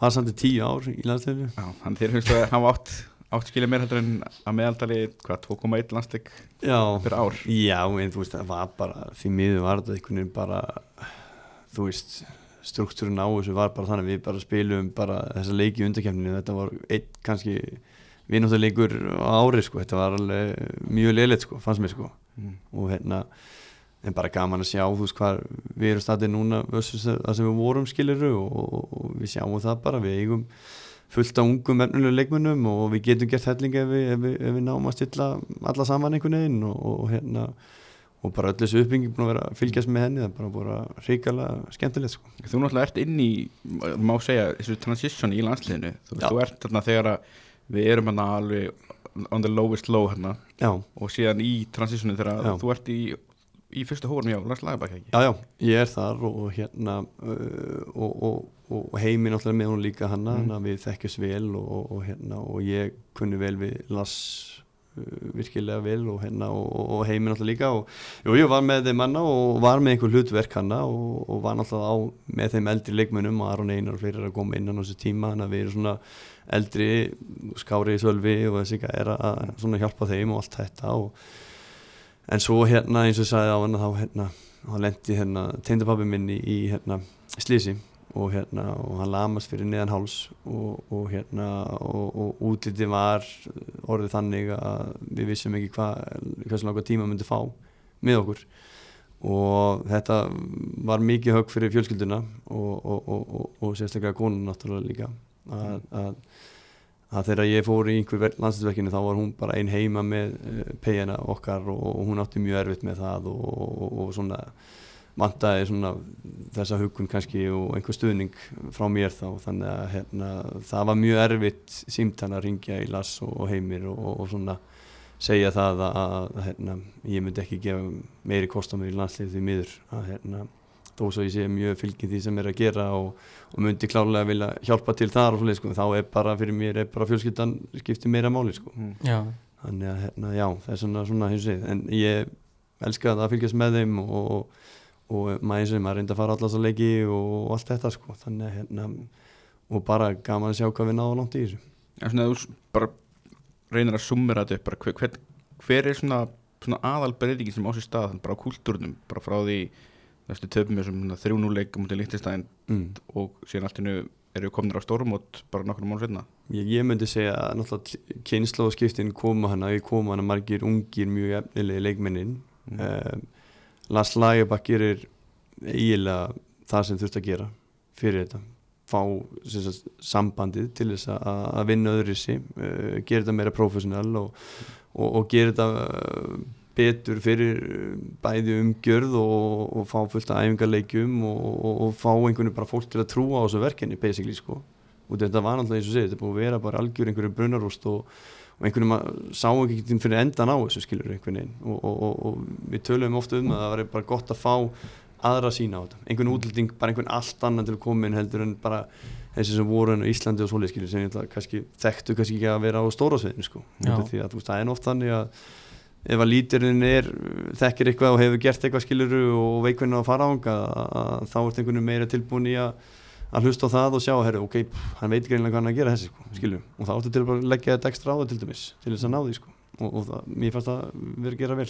Og er þetta ekki svona líka svolítið bara vannmeti starfleika sem Óli Jó gerir þú veist, hann er að gefa þessu strákum svona eldskýrnina og þú veist, gefa þeim þess að kannski mikilvæga reynslu sem að Já, já. taka sig með sér áfram. Ég, sko, hann byrjaði alveg rétt en hvort að Óli Jó hefði síðan komið þessu á þetta stið sem við fórum síðan Mm. ég, ég held ekki, því miður en hann gerir mjög vel í það að leifa þessu ungu strákum og bara reyna að búa til nýja kynnslóskilur sem að fekk þessa elskín áður en til dæmis Lass kemur það inn og hann getur þó móta þetta uh, þá þessa stráka en þó betur sko, skilur, og í það þess átt sem að við fórum síðan í. Óli Jón náttúrulega frábæð þjálfari en hann náttúrulega kannski hefur ekki þessa svona atvinnum hann reynslu eins og og sko. það er eins og segi þessi gamla góða áran. Það er hefur, ekki, áran. hefur ekki þessa áru yfir sér sem Nei, og ég meina Lass var búin að fara á mörg loka, þú veist, loka mót með Svíþjóð og Nýgeri og fleira skilur þannig að þú veist, þannig að hann kunnit upp á tíu sko. Já, einmitt. Já, það var kannski bara á þjálfarferðlunum svo sem búin að fara yfir hérna stutlega KFS og það síðan fer náttúrulega vestra já, einmitt. 2022 Já, kom, kom mörgum á óvart. Já, mér líka. Já, maður var bara einhvern veginn að svona, þetta var akkurat á þeim tímbundi sem ég var svona einhvern veginn að hugsa hvort ég ætti að leggja þetta fyrir mig eða ekki sko. Og, og, og var búin að fá svona smjör þegar aðeins með KFS og, og, og, og leið vel og fannst það gaman en svona ég er einhvern veginn þannig típa, ef ég ætla að gera eitthvað þá ger ég bara 100% og, og, og það var svona einhvern svona tímbundi hjá mér á ég að gera þetta ekki og allt þetta, svo kemur símtalið frá hérna sama vinnu mínum og, og hérna og, og á einhverju tímúti það sem ég, ok, hérna er kannski möguleik fyrir mig að sjá hvort að ég kannski hef bara eitthvað í, í þetta að gera líka, sko, skilur þú veist, það er ekki nú bara að vera eitthvað hesmin fótballtarleikmaður og halda að það bara komið eitthvað automatist sem þjálfari, skilur og hérna, og ég er bara mjög þakkláttur fyrir það og ég kem náttúrulega innan á mjög erfiðum tímapunkti, virkilega. Ég meina, Skagin sækir hann að á bara kortir í mót og, og, og svo kom einhverju vikur í viðbóð þar sem ég kem síðan inn og, og, og, og ég man bara eftir þegar ég hitti líka sama fyrst en að líka á flugvöldunum leiðin í æfingarferðina sko, bara henni að fjórublað, henni er nöfnin og leikmanninum og, bara gangiði vel sko, sko. En, en, en hann reyndi að hjálpa mér get- eins og hann gatt og, og, og, og nonni og þau sem eru í kringum þetta og, þetta er alveg frábært fólk og, klubur og, og hérna en þú veist, við náðum ekki að bara byrja þetta mót nægilega vel, við endum þetta fínt, við komumst loksins yngur rytma í lókin bara eins og við hefur alltaf verið með vestra skilur að þeir byrja illa og allt þetta eins og og, þú gerði í sumar. Já, basically sko, en þeir fengu hann að ymmit þessa, þessa hvað maður að segja, þessa úsliti kefni til þess að, að ymmit að toppa réttu tíma sem Einmitt. að þeir gerðu og, og hérna sem er bara frábært sko, þannig að loksins fekk sami draumisinn hérna uppfylltan og hérna það verður gaman að fylgjast með þeim í sumar. Já, við ert bara eitt tímbilinni með vestra, stóð ekkert búið að vera, vera lengur? Þetta var sko þetta var meira bara að koma og hjálpa. Þú veist, Mm. ég var eins og ég sagði við saman þú veist, uh, og við erum alveg saman þú veist, þau vildi gera þetta betur, gera þetta betur og allt þetta skilur og þá þurfti bara að vera þjálfarana sem að býr hana skilur, það þýðir ekkert að koma bara ég eða einhver annar komin bara kortir í mót og bara já, nú ætla að byrja þetta, skilur, þú veist, þau vildu meira og, og þau er náttúrulega búin að sjá það að þetta virkar ekki, sko, skilur Mm. og ég var ekki tilbúin að flytja hann á Ísafjörði eða Bólingavík og hérna með fjölskyldina og var náttúrulega að vinna í EU líka og eitthvað svona með þannig að en það var ekkert sem var að fara að stoppa mig sko í það að taka eitthvað gig sem ég veði trú á skilurum og hérna en, en eins og segið, þú veist, við bara skildum bara sem við vinnir hana og, og eru vinnir í dag og, og ég held bara mikið með vestra. Ég mitt fór og, og stuttið hana á lögatarsvettinum hana að mótum Magga Már og, og félögum sko. En ég var allan þeim inn í stúkin allavega. Já. og þeitt ég fullt af fólki sem ég kynntist og, og, og hérna bara gaman að sjá hvert eru komin og, og Davís Máru bara gerir frábærlega finnst mér með þetta liðið sumar og, vonandi heldur það bara áfram sko. kemur síðan bara í sömar núna 2023 síðast á miðju tímabili þá kemur upp svo staða að, að Njarvík þarf að ja, skipta um stefnu og inn, inn kemur Gunnar Heðar Já, ég, eins og segjum ég, sko, eftir vestatímbil þá var ég svolítið bara, herru, jú, ég er alveg tilbúin að, pröfa þetta. Og, og svo erum við svona að tala fjölskylda saman mikið þennan næstu mánuðina og, og, og svo eins og því, svo ámar stráka sem eru eh, hérna, að bara koma á þann aldur að- þeir þurfa frá eitthvað aðeins meira heldur en það sem er í bóði vestmennu og hérna, þannig að við tökum bara ákvörðin ég og konan með náttúrulega strákunum okkar að, hérna, að taka þetta næsta skrif, næsta kapli í lífinu að fara upp á land og vera nær þá því sem þeir vilja og, og, hérna, og þá kannski möguleiki fyrir mig þá í leiðinni að- satsa á þetta satsa á þjálfurafyrirlin og, hérna, og það var alltaf plani hjá mér að koma hérna og, og reyna að finna með eitthvað lið hérna sagt á í síðasta haust Mm. og hérna en svo kemur símtalið frá rabba vinnu mínum og, hérna, og hann spyrir mig hvort að ég hafi áhuga á þessu. Og, og ég hef nú sagt áður í einhverju vitalena ef að ég hef ekki verið búið með hérna eina rauðurflösku með frúnni á, á pallinum heima í sól og blíður sko, þá hefði ég glá sagt bara nei strax sko, en Já. ég sagði ef en ég myndi skoða þetta. Og hérna og svo tók einhver símtöl og, og, og svona aðtök hvort þetta væri eitthvað dúbúl eða ekki sko. Og, og, og, og, og eftir þau símtöl þá sagði ég bara æ, fuck it maður, pröfum þetta bara veist, ég fyrir bara að reyna að gera mitt besta og, og vonum bara að það gangi upp sko. Já, svo gekk það upp með minnsta mun sem hægt er held ég sko. Kemur alltaf inn í, inn, Byrjaði rosa vel. Já, og kemur alltaf inn í krefjandi aðstæður þar sem að mað, maður sá að það var svona þungt yfir hópnum já, og þetta var svona veist, erfitt. Já, og kannski svona þú veist fyllt af svona utanakomandi þáttum ykkur sögur svona sem að þú veist voru byrjar að svífa um kannski forveran og, og, og veist, hans hætti þannig að það var svona já bara mjög þungt yfir þessu en maður sá það bara svona mjög fljótt að bara eftir þessar breytingar þá, þá svona eins og hafi svona létt á þeim og þetta varð miklu svona þú veist ma maður sá maður sá svona gleðina sem maður var ekki búin að sjá í smá tíma allavega mm. við sem fylgdist með þessu sem njárgingar allavega Já, já, já. Nei, nei, þú veist, ég get alveg viðkynnt það, þetta, þetta var mjög þungt í byrjun fannst mér og, og, og, og, og ég, verandi eins og ég er, ég, maður reynir alltaf einhverju stemming kringu sig og svona skiluru og þannig að ég fó bara svolítið inn með þann, þann hugur að náði bara að, reyna bara einmitt að losa um þessa gremju eða, eða, eða þetta, þetta, þetta ský sem er yfir liðinu skilur út en maður sá að þetta var flotti fótballtamenn sko. það vantaði ekki sko, þetta vantaði bara svolítið þá að þú veist, trú á verkininu svolítið aftur, bara fá svolítið gleði. Af hverju erum við í þessu, af hverju erum við að spila fótbolta? Þú veist, við erum í fyrstildun Íslandi skilur. Við erum ekki í premjum líka eitthvað við þurfum að, eða, þurfum, við erum að fá hellingspenning fyrir þetta. Við erum verið að venda að gera þetta á þessu levelu út af því okkur finnst þetta gaman. Mm. og ef við erum ekki að gera það, þá erum við einhver villigutum sko. Og, og, og, og svo fer maður og þeir bara grípa þetta einhvern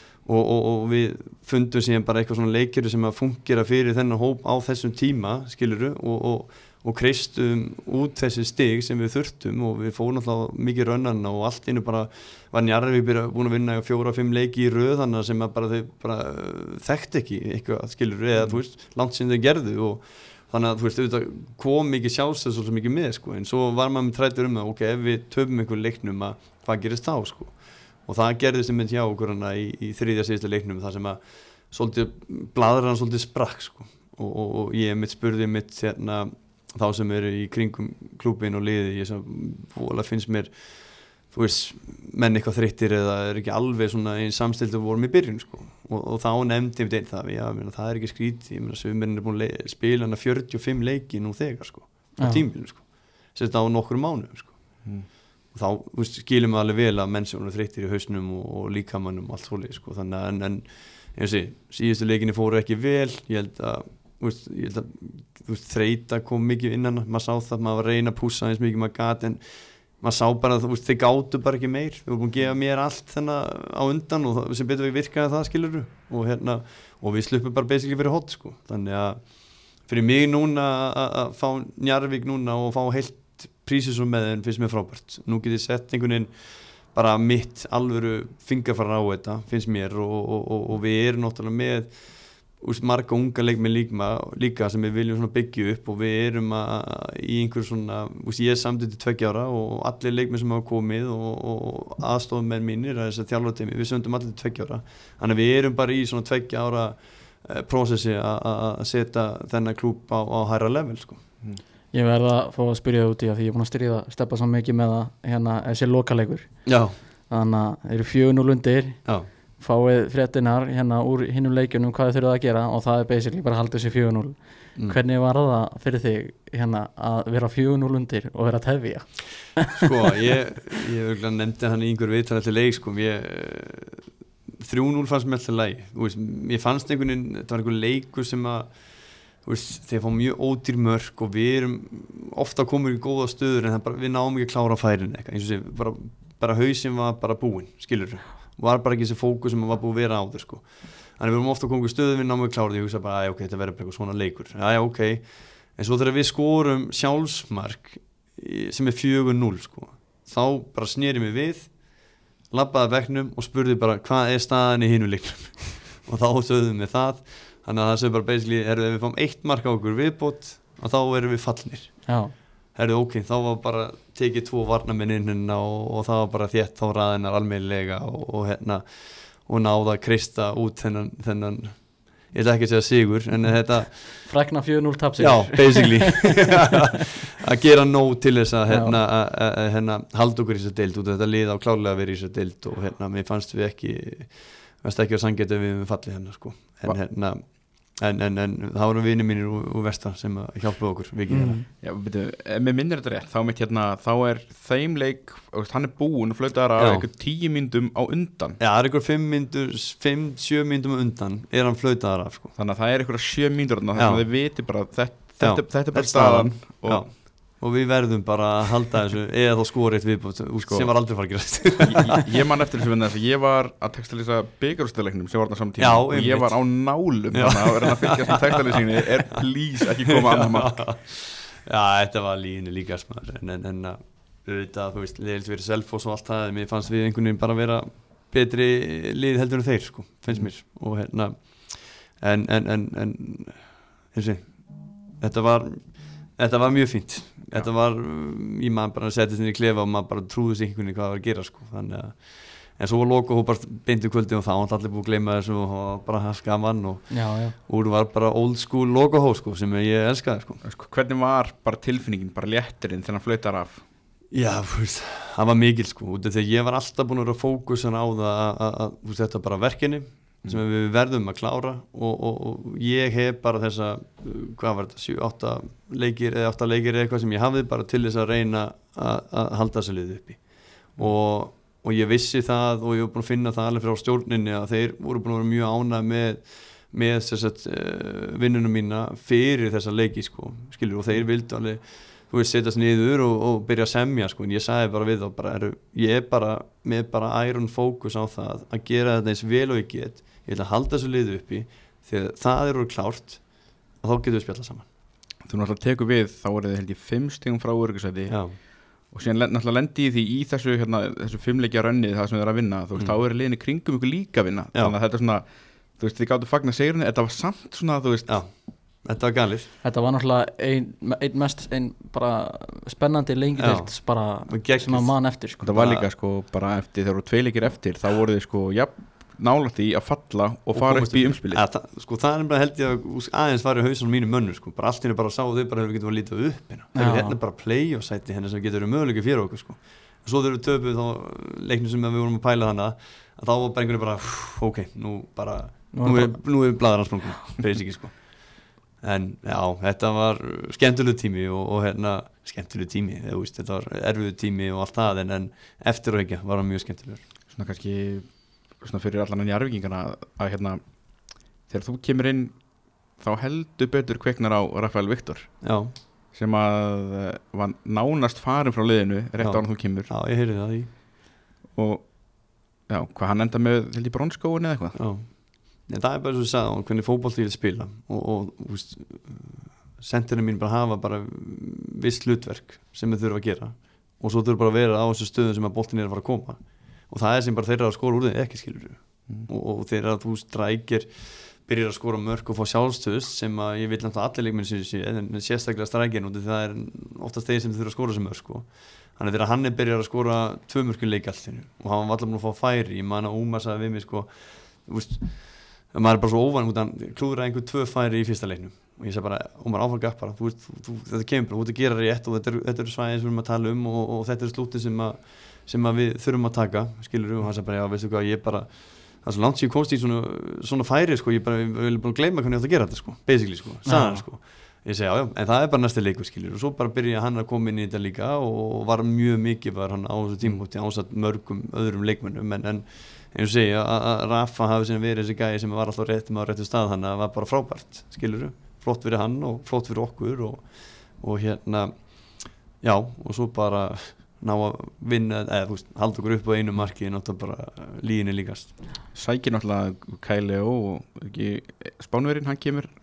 Jú, hann kemur hann rétt undan mér hvort að, hvort að minn leikur sé fyrsti eða hvort að leikurinn undan hann sé fyrsti leikurinn fyrir fjöla, ég veit ekki. Ég- hann kemur þarna eitthvað um svipaliti Já. og síðan ekki einn hálendingur sem að koma aldrei. Já, eða hann kom en hann bara sást ekki á skýslu alltaf. Hann var bara, við vorum bara að hafa einhvern til taks ef að allt myndi fara skrúuna hjá okkur. Og við vorum ekki með það marga leikmenn við vorum mikið að meðslum, skilur og svo voru einhver rauðspildi í þessu líka og fleira sko, þannig að þú veist þannig að við þurftum að bæta einhver ný og við fengum hann mjög ódýrt og, og, og, og jú, hann mætti á æfingar og það er bara eins og það er. Já. það var alveg ótrúlega hvað Njarvík fekk mörgur auðspild ótt Já, þetta er bara galið, ég hef aldrei séð hann eins sko.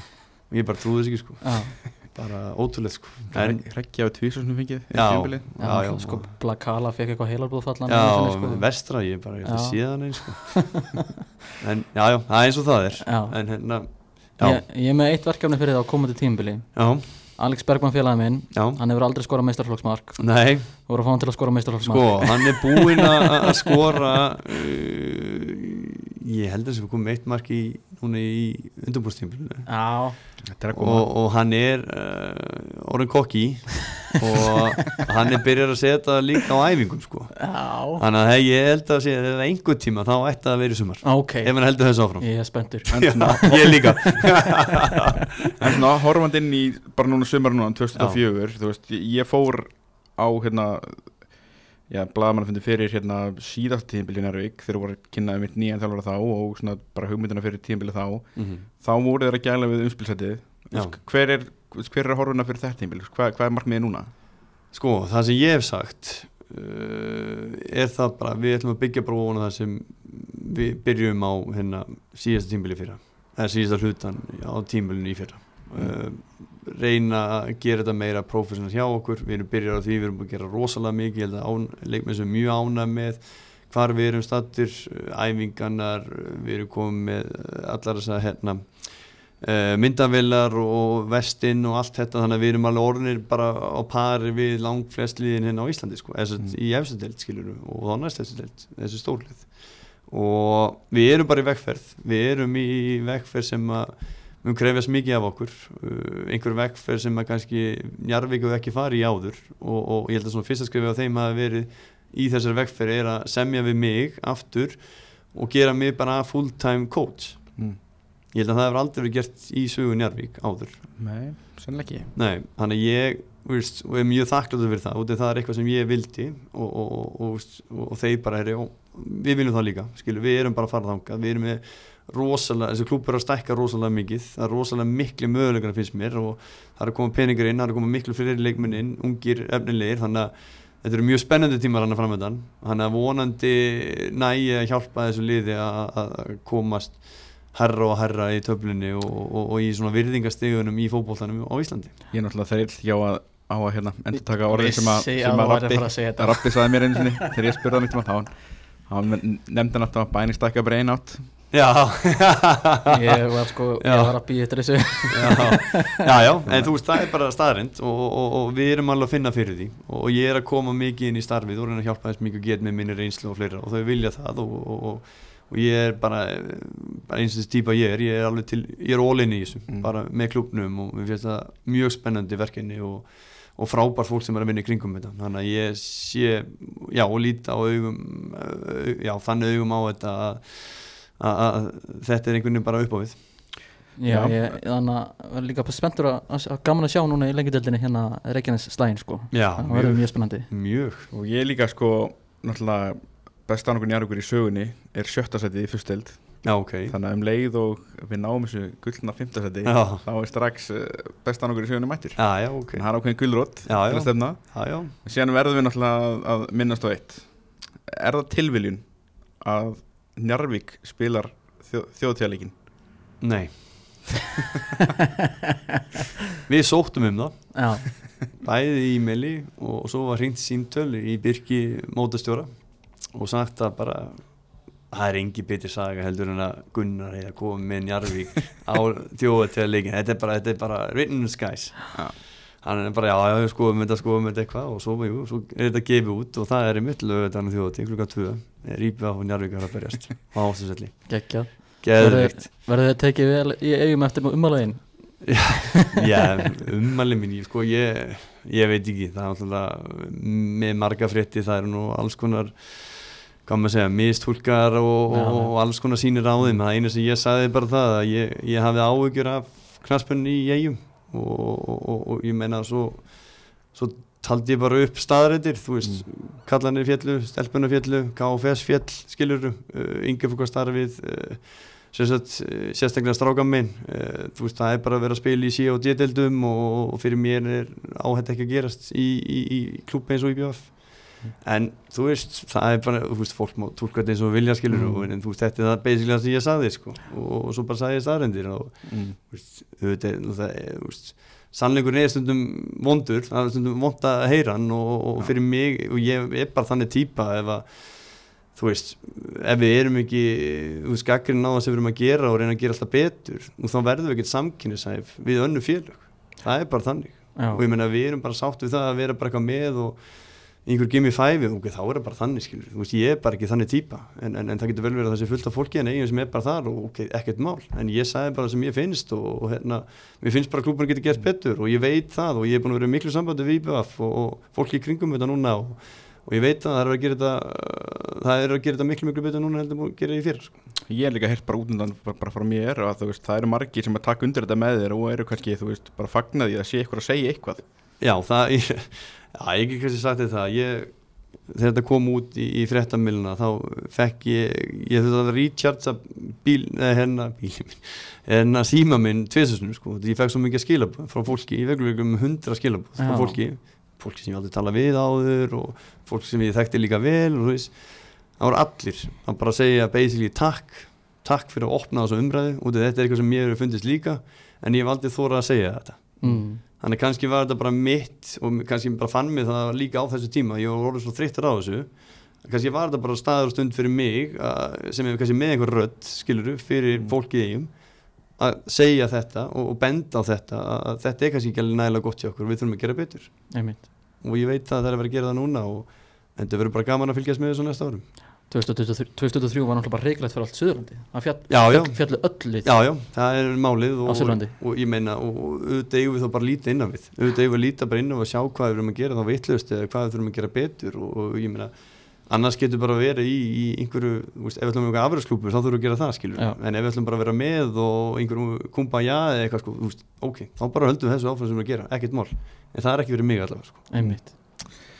Já, við ætlum að byggja spenntir eftir þjóðtjáleiknum Já, Já. heldur betur.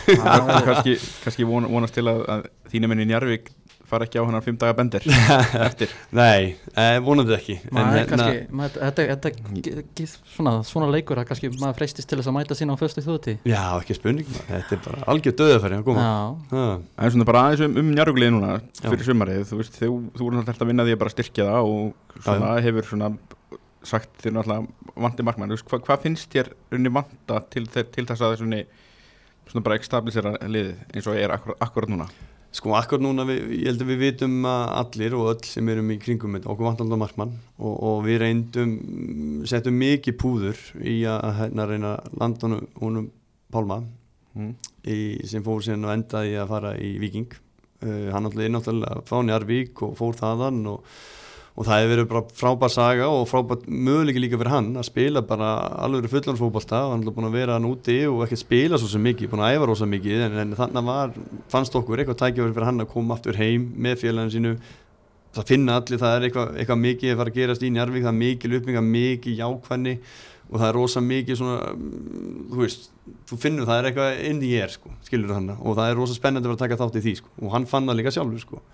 Um, en svo ákveðin að taka hennar vikingana á þetta og ekkert bara, ekkert að því, bara, veist, hann bara ræði því, þetta fyrirlin hans og um, já, og svo við búin að ræða við aðra markmenn og ég tala nú við hann Stefán sem var hjá Selfossi sem endaði sinna að fara í val og hann var heitur fyrir þessu en það er kannski erfitt að keppa við fastennafélagið og, og allt þetta og bestalegu í Íslandi í. Viking þannig að við erum búin að vera að skoða í kringum okkur og, og hérna en ég vil bara fá bara réttu típuna inn, mér finnst þetta þú veist alltaf tala um eitthvað útlendinga hattrætti, jú, jú, þetta er eitthvað smá hattrætti en bara með alla, öll þessu gögn, öll þessu greiningatól og allt í dag er bara á að vera svona þokkalega sig, þú ætti að vita svona 70-80% hvað þessi leikmæri fara að gera fyrir skilur og ég er bara ekki ennþá fundið hann skilur Taktu, taktu Ívar Þóralsalán Ívar Þórnarsson, já.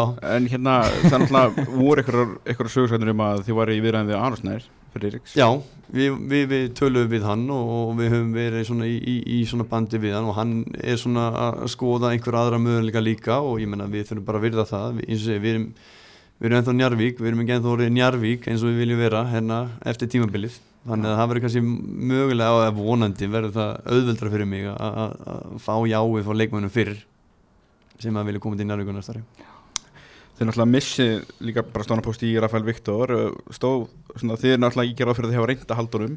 Já, já, við gerum það og, og hérna, en það er náttúrulega bara ákvörðin hans að- fara norður og hérna, og, og, og eins og ég sagði við hann, sko, ég hef ekkert slæmt um hann að segja neitt svoleiðis, mér finnst það flottur leikmaður, við náðum mjög vel saman, hann skildi alveg hvað ég vildi gera og það henda á hans leikstíl líka mjög vel, þannig að er svona skrítið fyrir hann að fara úr því, sko, ef við sjálfur svo er, ef þetta munar bara einhver þúsugullum, en, en það er bara eins og það er, ég meni ég get ekki stjórnað því hvað leikmenn vilja gera, ég get bara sínt bara hvað þeir geta gert hjá mér og ef þeir eru ekki on board þá, þá hef ég líka engan á að hafa í liðinu sko, það er bara þannig sko. Eru með fengursamt á móti svona áhugaverðan fæniskan framherja Já, mjög, við, það er eiginlega margir að koma tala við mig og sagt bara bara fárulegt að þið hefur náð þessu leikmanni sko, út af því hann er einhver ann næst eða þriði markaðistur í, í færinsku úrvöldildinni fyrra sko. Að hann er mjög óslýpaður og, og, og, og ég held að hann hefur svona ákveðast dökva á þetta og út af því hvað vantarlega ég var búin að segja við hann og hvernig ég myndi svona síða hann fyrir mér og hvað hann getur mögulega orðið, þú veist, hann er ennþá ungur og hann lang- langar að ná lengra skiluru, en það er svolítið mitt svolítið bara hjálp honum að, að fínstilla hann, hann er, þetta er svona raw talent guy, sko, alveg veist, ef ég næja að fínstilla hann vel, sko, það, veist, það er að fara að koma helling frá hann, getur þetta í sumar. Já, þeir eru allan að vinna upp þessi, hvað ekki, 11 mörg sem að Rafael Viktor á með Já, ég við skúrum alveg þau alls þar, ég get lofa því hvort það sé einhver hann, einn, í, einn Alex eða er tveir. Alex er að fara að skora Alex er að veist, og Reggi er búin að lofa með einhverjum mörgum líka sko, þannig að hérna, það verður ekki vandamál. Svo náttúrulega Mark McCausland fyrirliðin farinn. Já, já, við stór póstur og stórt skarða fylla algjörlega og ég meina við, við tókum spjalli við hann og við vorum bara heiðarlega með það, við erum að fara í þessa tveggjara vegferð og, og hann er náttúrulega uh, að 35 ára, verið 36 ári ár og, og skrokkurinn kannski ger ekki alveg sá frískasti, skilur, og við vildum bara fara í þessa leið, skilur, hinn að leiðina og, hann skildi það og var bara, uh, ekkert slæmt um Njarvík að segja eða okkar samband eða neitt, sko, alls ekki, sko, og, og hérna, og við óskum honum bara góð skengis og, og, og svo fyrir hann og tekur slæmi í er sem er bara frábært, skilur mm. en við viljum svona ingeta þessu upp og, og, fá svona mm, frábær leiðtói inn á vellinum. Og, og það er mitt einn stað sem við þurfum, það er hafsend líka. Við vitum að þessar tvæði stöður eru það sem við þurfum að fylla. Og ég er auðvitað búin að fá senda 40 hafsenda og, hérna, og, og eins og segi, ég er mjög pikki á það sem ég vil og, og hérna, ég er ekki ennþá búin að semja en, en, en, en það gæti bráðum gerst á, á næstu dögum vikum. Ok, Já, spennandi. Þannig að það má búast við einhverjum, einhverjum þreifingum ána næstu vikum. Já, það Það er alltaf vel. einhver þreyfingar en svo er bara spurning hvort að leikmið segja já eða nei sko, Já. skilur þú Já, En, eh, En þú ert með eitt sem þú þú ert að tala við Já, við erum að, ég, ég er með nokkra en Já. það er eitt svona sem ég er búin að setja svona einhver, einhver, einhver, putta og benda, herru, við pröfum þennan gá hvað hann segir, Er, ná er að lenda þessu eða ekki, skilur þú? útlendingur eislingur? Það er útlendingur Ok, Mm, Ég held allir íslendingur séu farnir einhvern annar, Já. eða fastir einhvern starf En það er bara erfitt að fá íslending í dag og, og hérna, og, og auðvitað hérna, er í góðu sambandi við, við mörg bestöldarlið og hérna, og það er alltaf einhverju opsónar en eins og ég, ég er að leita að réttu típinu. Einmitt. ég þarf einhver lítur, ég þarf einhvern einhvern, einhver, einhver póstana sem að hefur þessa áru að sína það eru ég mættur. Já, já bara þú veist spennandi tíma framöndan og Já, já, já, þú, er ert allavega búin að selja mig. Ég var eitthvað hérna ég, ég var að segja við hérna uh, fyrr, fyrr í, í vetur þá var ég að segja þannig að við steppa eftir að Rafael fór bara svona, já, já, skemmtur í, an, í annar deildur en næst tíma en þannig að þú- þú er búin að selja mig þú er búin að selja Já, mig, ég, ég- ég trúi á okkur ég hef enga ágjör á þessu. Og, og, hérna, og miða við bara hvernig við höfum æft í vetur og, og, eins og segi, við, við höfum ekki tapað leik núna á prísisonu og, og eigum við leik næstu helgi, eða núna um helgina á móti keflæk og hérna Þannig að það verður bara gaman að meta okkur við bara svona alvöru liðin og svo verður lengin að byrja og, og svo förum við í, í hérna æfingarfætti spánar og, og svo bara byrja byggarinn og svo deildin sko. Þannig að nú er nú loksins svona allt innu allt að fara í gang og, og þessi leikir að byrja og, og svona var að krifja þetta betur og ná meiri tökum á þessum okkar eiginspili heldur en að vera meiri í þessu físík, hlaupum og liftingum og fleira sko. þó það sé alltaf eitthvað en svona þetta að fara dýpir í þetta núna. Já, ég er allan spenntur já, Já, það er gott. það verður spennandi. Eh, Já. Þannig að erum við ekki bara komnir á, á, á góða leið? Ég held að við sem bara nokkuð töndir Það er ekki bara. Já, geggjað. Takk hérlega fyrir komuna. Já, bara gaman að koma. Og takk fyrir okkur. Takk fyrir okkur. Yes.